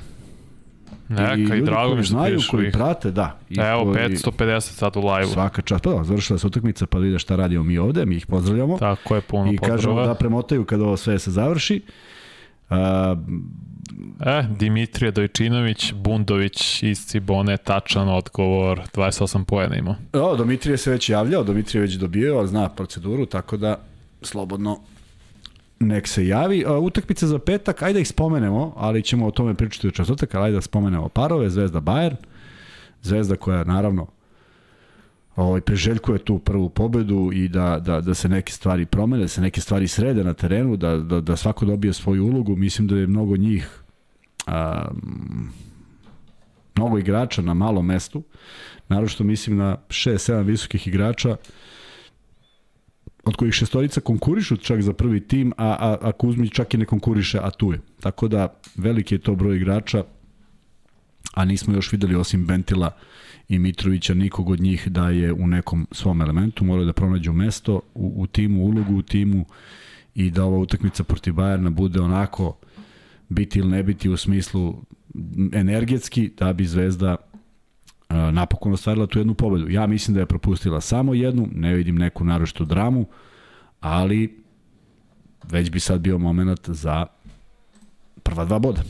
Zatim Efes protiv Fenerbahčeja. U, derbi, derbi. koji uvek, da, derbi uvek koji uvek neizvesan, Fener koji je dominantno prvi, onako igraju prilično lako i Tudis čovek koji zna da postavi stvari u ekipi, zna mnogo toga. E, pronašao je sistem u kojem 4-5 igrača igraju zaista kao sat, svi ostali su tu da pomognu, pomažu i čini se da sve funkcioniše kako treba. Opet samo ne mogu da, znaš, nisam ispratio Fener da vidim raspored, da li im je išao na ruku, ali mi deluje da sam neke snimke koje sam gledao, gledao mahom iz iz Istanbula. U svakom slučaju, kao i ovde Zvezda Partizan, tako Efes i Fener nema nekog pobednika pre nego što se utakmica odigra, ali Efes je malo uzdrmani iz, iz prostog razloga što i na domaćem terenu i u Euroligi gubi. Misliš, uh, pa dobro, Fener imao tri kod kuće za sad. To kažem, zato ti kažem, imali su dobar raspored, tako je, da. Pa ja mislim da su imali odličan raspored. Tako da, Eto koliko to zavisi, ja kažem, ne razumem sam, sam taj sistem žrebanja i razumem naravno da da je sasvim logično da kad Zvezda krene negde i ostane u Španiju da bude da odigra utakmicu dve u Španiji, a ne da i Španija odleti na, u Izrael. Ali a, Da, igrali su tri kod kuće u ali, Euroligi. Ali, ali bi to bilo divno da se desi Zvezdi Partizanu negde u 24. kolu. Pa, vrlo moguće tako biti. Pa znam, ali, ali došle prošlo, prošlo voz, razumiješ, ti si već da, negde da. plasira, negde se ekipa deprimirala ili nije. Negde pa da, si... još ovo, na do u Efes, mislim, Istanbul, ono, kuće sam. I to je kuće, i kod kuće, pa da, da to kažem, oni će imati pet utakmica da četiri nisu mrnuli iz grada i onda naravno da imaš jednu lepu zalihu. Naravno, ne mislim da je to jedini razlog, ali siguran sam da bi utakmica u Madridu jedna takva možda bila i veliko iskustvo. Prema tome, ajde, da, da ne pričamo više o tome, nema nešto mnogo svrhe, shvatam da se ide na uštedu i volio bi samo da ima neki smisao da neko ne strada baš kao pojedine ekipe, a pojedine da igraju sve kod kuće. Ili neka se napravi neki, neko pravilo zbog čega ti neki igraju na početku, pa makar da, da se zna. Ovi igraju zbog toga što su bili lepi, pametni, visoki prošle godine. Igrali su top 4, igrali su top 8, pa neka budu nagrađeni time, ali ovako... Mislim da svaki neko... tim u Euroligi ima taj rast deo, gde ono prosto ima od, od 4, 3 kod kuće ili taj. Imaće sigurno, samo veruj mi, javnost, mediji, trener, igrači sa 4-1 su mnogo drugačiji nego kad dođeš na 10-6 i dođeš do... No, naravno. Pa, o tome pričam. Naravno, pravo si. 6-10 i kao, e, onda sam pobedio 3 od 4 i kao sad imam 9-11. Još nisi distigao do 50%. Taman da je isto, ali nije. Da, kapiram, kapiram. Uh, Kuzma, da li bi nešto dodao? Ne, ali jesmo, jesmo, jesmo prošli sve utakmice. Da, uh, Evo vidiš što još jedno. Ne, Asvel, ima još dve, izvini. Asvel protiv Baskonije. Isto Asvel Baskon je apsolutni favorit sad Baskonija načina kako igra, Asvel koji se batrga i prosto nemam, nemam neki, neki odnos prema toj ekipi, sve što pobedi biće iznenađenje, ako mene neko pita. Imaju puno fizikalija, snage, puno su, puno igrača na nekim uh, sa nekim izrazitim karakteristikama skočnosti snage, ali ja ne vidim tu neku lepotu u igri i uh, za razliku od mnogih ekipa koji imaju neki sistem, to je nekako sve zbrda z dola, ali ajde vidjet ćemo. I poslednji meč kola, pete runde, je Barcelona protiv Emporio Armanija. Barcelona Armani, e, Barcelona koja hoće da demantuje da se nešto loše dešava, vidiš da i svake utakmice imaju kakav takav problem, da li je to mala pobeda u španskom prvenstvu, da li je to neizvesna utakmica u u Euroligi ili poraz, tako da i njih je mnogo toga uzdrmalo i e, svaka pobeda im mnogo znači, ne bili se popravila atmosferu u ekipi i kažem, negde, negde ih još uvek uh, sigurno pogađa to što je Kalate sa odlaskom izjavio. Iz tako velikih klubova redko se ovaj, slušaju takve neke stvari, tako da imaju težinu, pogotovo što izjavi igrač koji nikad ništa slično ne izjavio. O tome smo već pričali, očekuju nas e, svakako uzbudljive utakmice, mi smo uh, spremni za četvrtak, studio će biti posle utakmice Partizana, Partizan igra u 20.30, Tako da ćemo, 22 i 30. Tako da ćemo mi zakazati za 22 i 30 vrlo verovatno, iz prostog razloga što ni Luka ni ja nećemo imati studio pre toga. Nadamo se, možda i bude nekih promena, ali kako sad stvari stoje, ne. I onda ćemo odmah po završetku utakmice Partizan Žalgiris pričati o njoj i o svim drugim rezultatima, a onda u petak, bez obzira što se utakmica Zvezda Bayern igra u 7, a onda smo sa vama tek u pola 1, iz prostog razloga što ćemo nastaviti tradiciju Nadamo se da će jednog dana Zvezda i Partizan igrati istom, istog dana u jednom momentu, pa da možemo pričamo o obe ekipe, da ne moramo baš da da ovaj dolazimo petkom tako kasno iz prostog razloga. Rekao sam, Svako petkom igraju. Pa petkom onda ćemo doći kasno, jer ćemo morati, ali onda ćemo bar u četvrtak, da, onda još gore, bolje da igraju četvrtkom. Da dođe taj četvrtak kad će igrati obe ekipe. I šta je u stvari problem? Ne zato što je to kasno i zato što mi mislimo da nešto, ovaj, da, ćemo, da nećemo spavati, nego zato što ovde ljudi rade 99 yardi i nekako mi se čini da im stalno visimo nad glavom. Oni bi tamo da se raspričaju o nečemu, a mi, a mi stojimo ovde onako kao patrola kad ćete da ustanete. Prema tome, naravno vidimo se i tada i nije nećemo od toga odustati, ali samo kažem kako stvari funkcionišu u jednom studiju u kojem ima mnogo dobrog programa i evo da podsjetimo još jednom ko se sad uključio. Koliko ima u live-u? Ima sigurno više kada se... 600. Tako je, pa logično. Još jednom da podsjetimo da Infinity Lighthouse ima svoj štand na sajmu knjiga, imaju knjige koje su preveli, vrlo interesantne knjige, imate e, čitav asortiman proizvoda koje Infinity Lighthouse pravi, između ostalog naravno i majice Luka i Kuzma, ali i sve one majice, knjige, šolje, kačkete, ne znam šta sve postoji tamo, što je uh, Srki napravio već, čeka vas na sajmu knjiga. Ja se nadam da će Luki vreme dozvoliti i, zdravlje dozvoliti da dođe. Ja ću se sigurno pojaviti u nekom momentu tamo, voleo bi da to bude kada srđanu bude odgovaralo, zato što da ima smisla da se pojemo nekada kad je to pravi moment i pojavit ćemo se tamo, pa vas pozivam sve da postite taj štand, uh, da se ovaj vidimo Vanja je rekao da ima mnogo interesantnih stvari. Šta si rekao da ima sve? Pa ima sve ima i knjiga majice možete da kupite. Ali, naravno tu su i odolni smo i Play City Sony PlayStation e, da možemo to da se takmičimo da u raznim igricama. e, on prosto se družimo pričamo o čemu tako god je. želite. Tako da ono Hala 4 tu smo od 10 do od 10 časova do 20 je sam knjiga otvoren preporučujem da dođete kada god, ono bolje, mislim, mi ćemo više biti pre, uh, onaj, pardon, popodne, naravno, kažem, Srki je tu ceo dan, tako da... Uvek, uvek ima nekoga. Uvek ima nekoga, tako, tako je. i dobrodošli, mislim. Uve, uvek ste dobrodošli i jedno čekam da vas vidim. Eto. I sad ako me pitaš da li ima nešto nisam rekao, nema, mislim da sam sve rekao i mislim da uh, smo, da je ovo bilo vrlo interesantno. Ovaj, znam da bi bilo mnogo bolje i da je Luka bio tu, jer to su ipak četiri oka, ja malo razmišljam i o ovome i onome i šta reći i, i utakmica, ali nije to toliko loše izgledalo, a bi volao da čujem vaše utiske kako je to zvučalo, zašto nemamo osjećaj koliko smo kasnili i da li uopšte e, ima, ima, ima smisla ovako na ovaj način komentarisati nešto što ipak gledate, a mnogo brže ide. Da li je interesantno, da li može interesantnije, da li možemo šta god.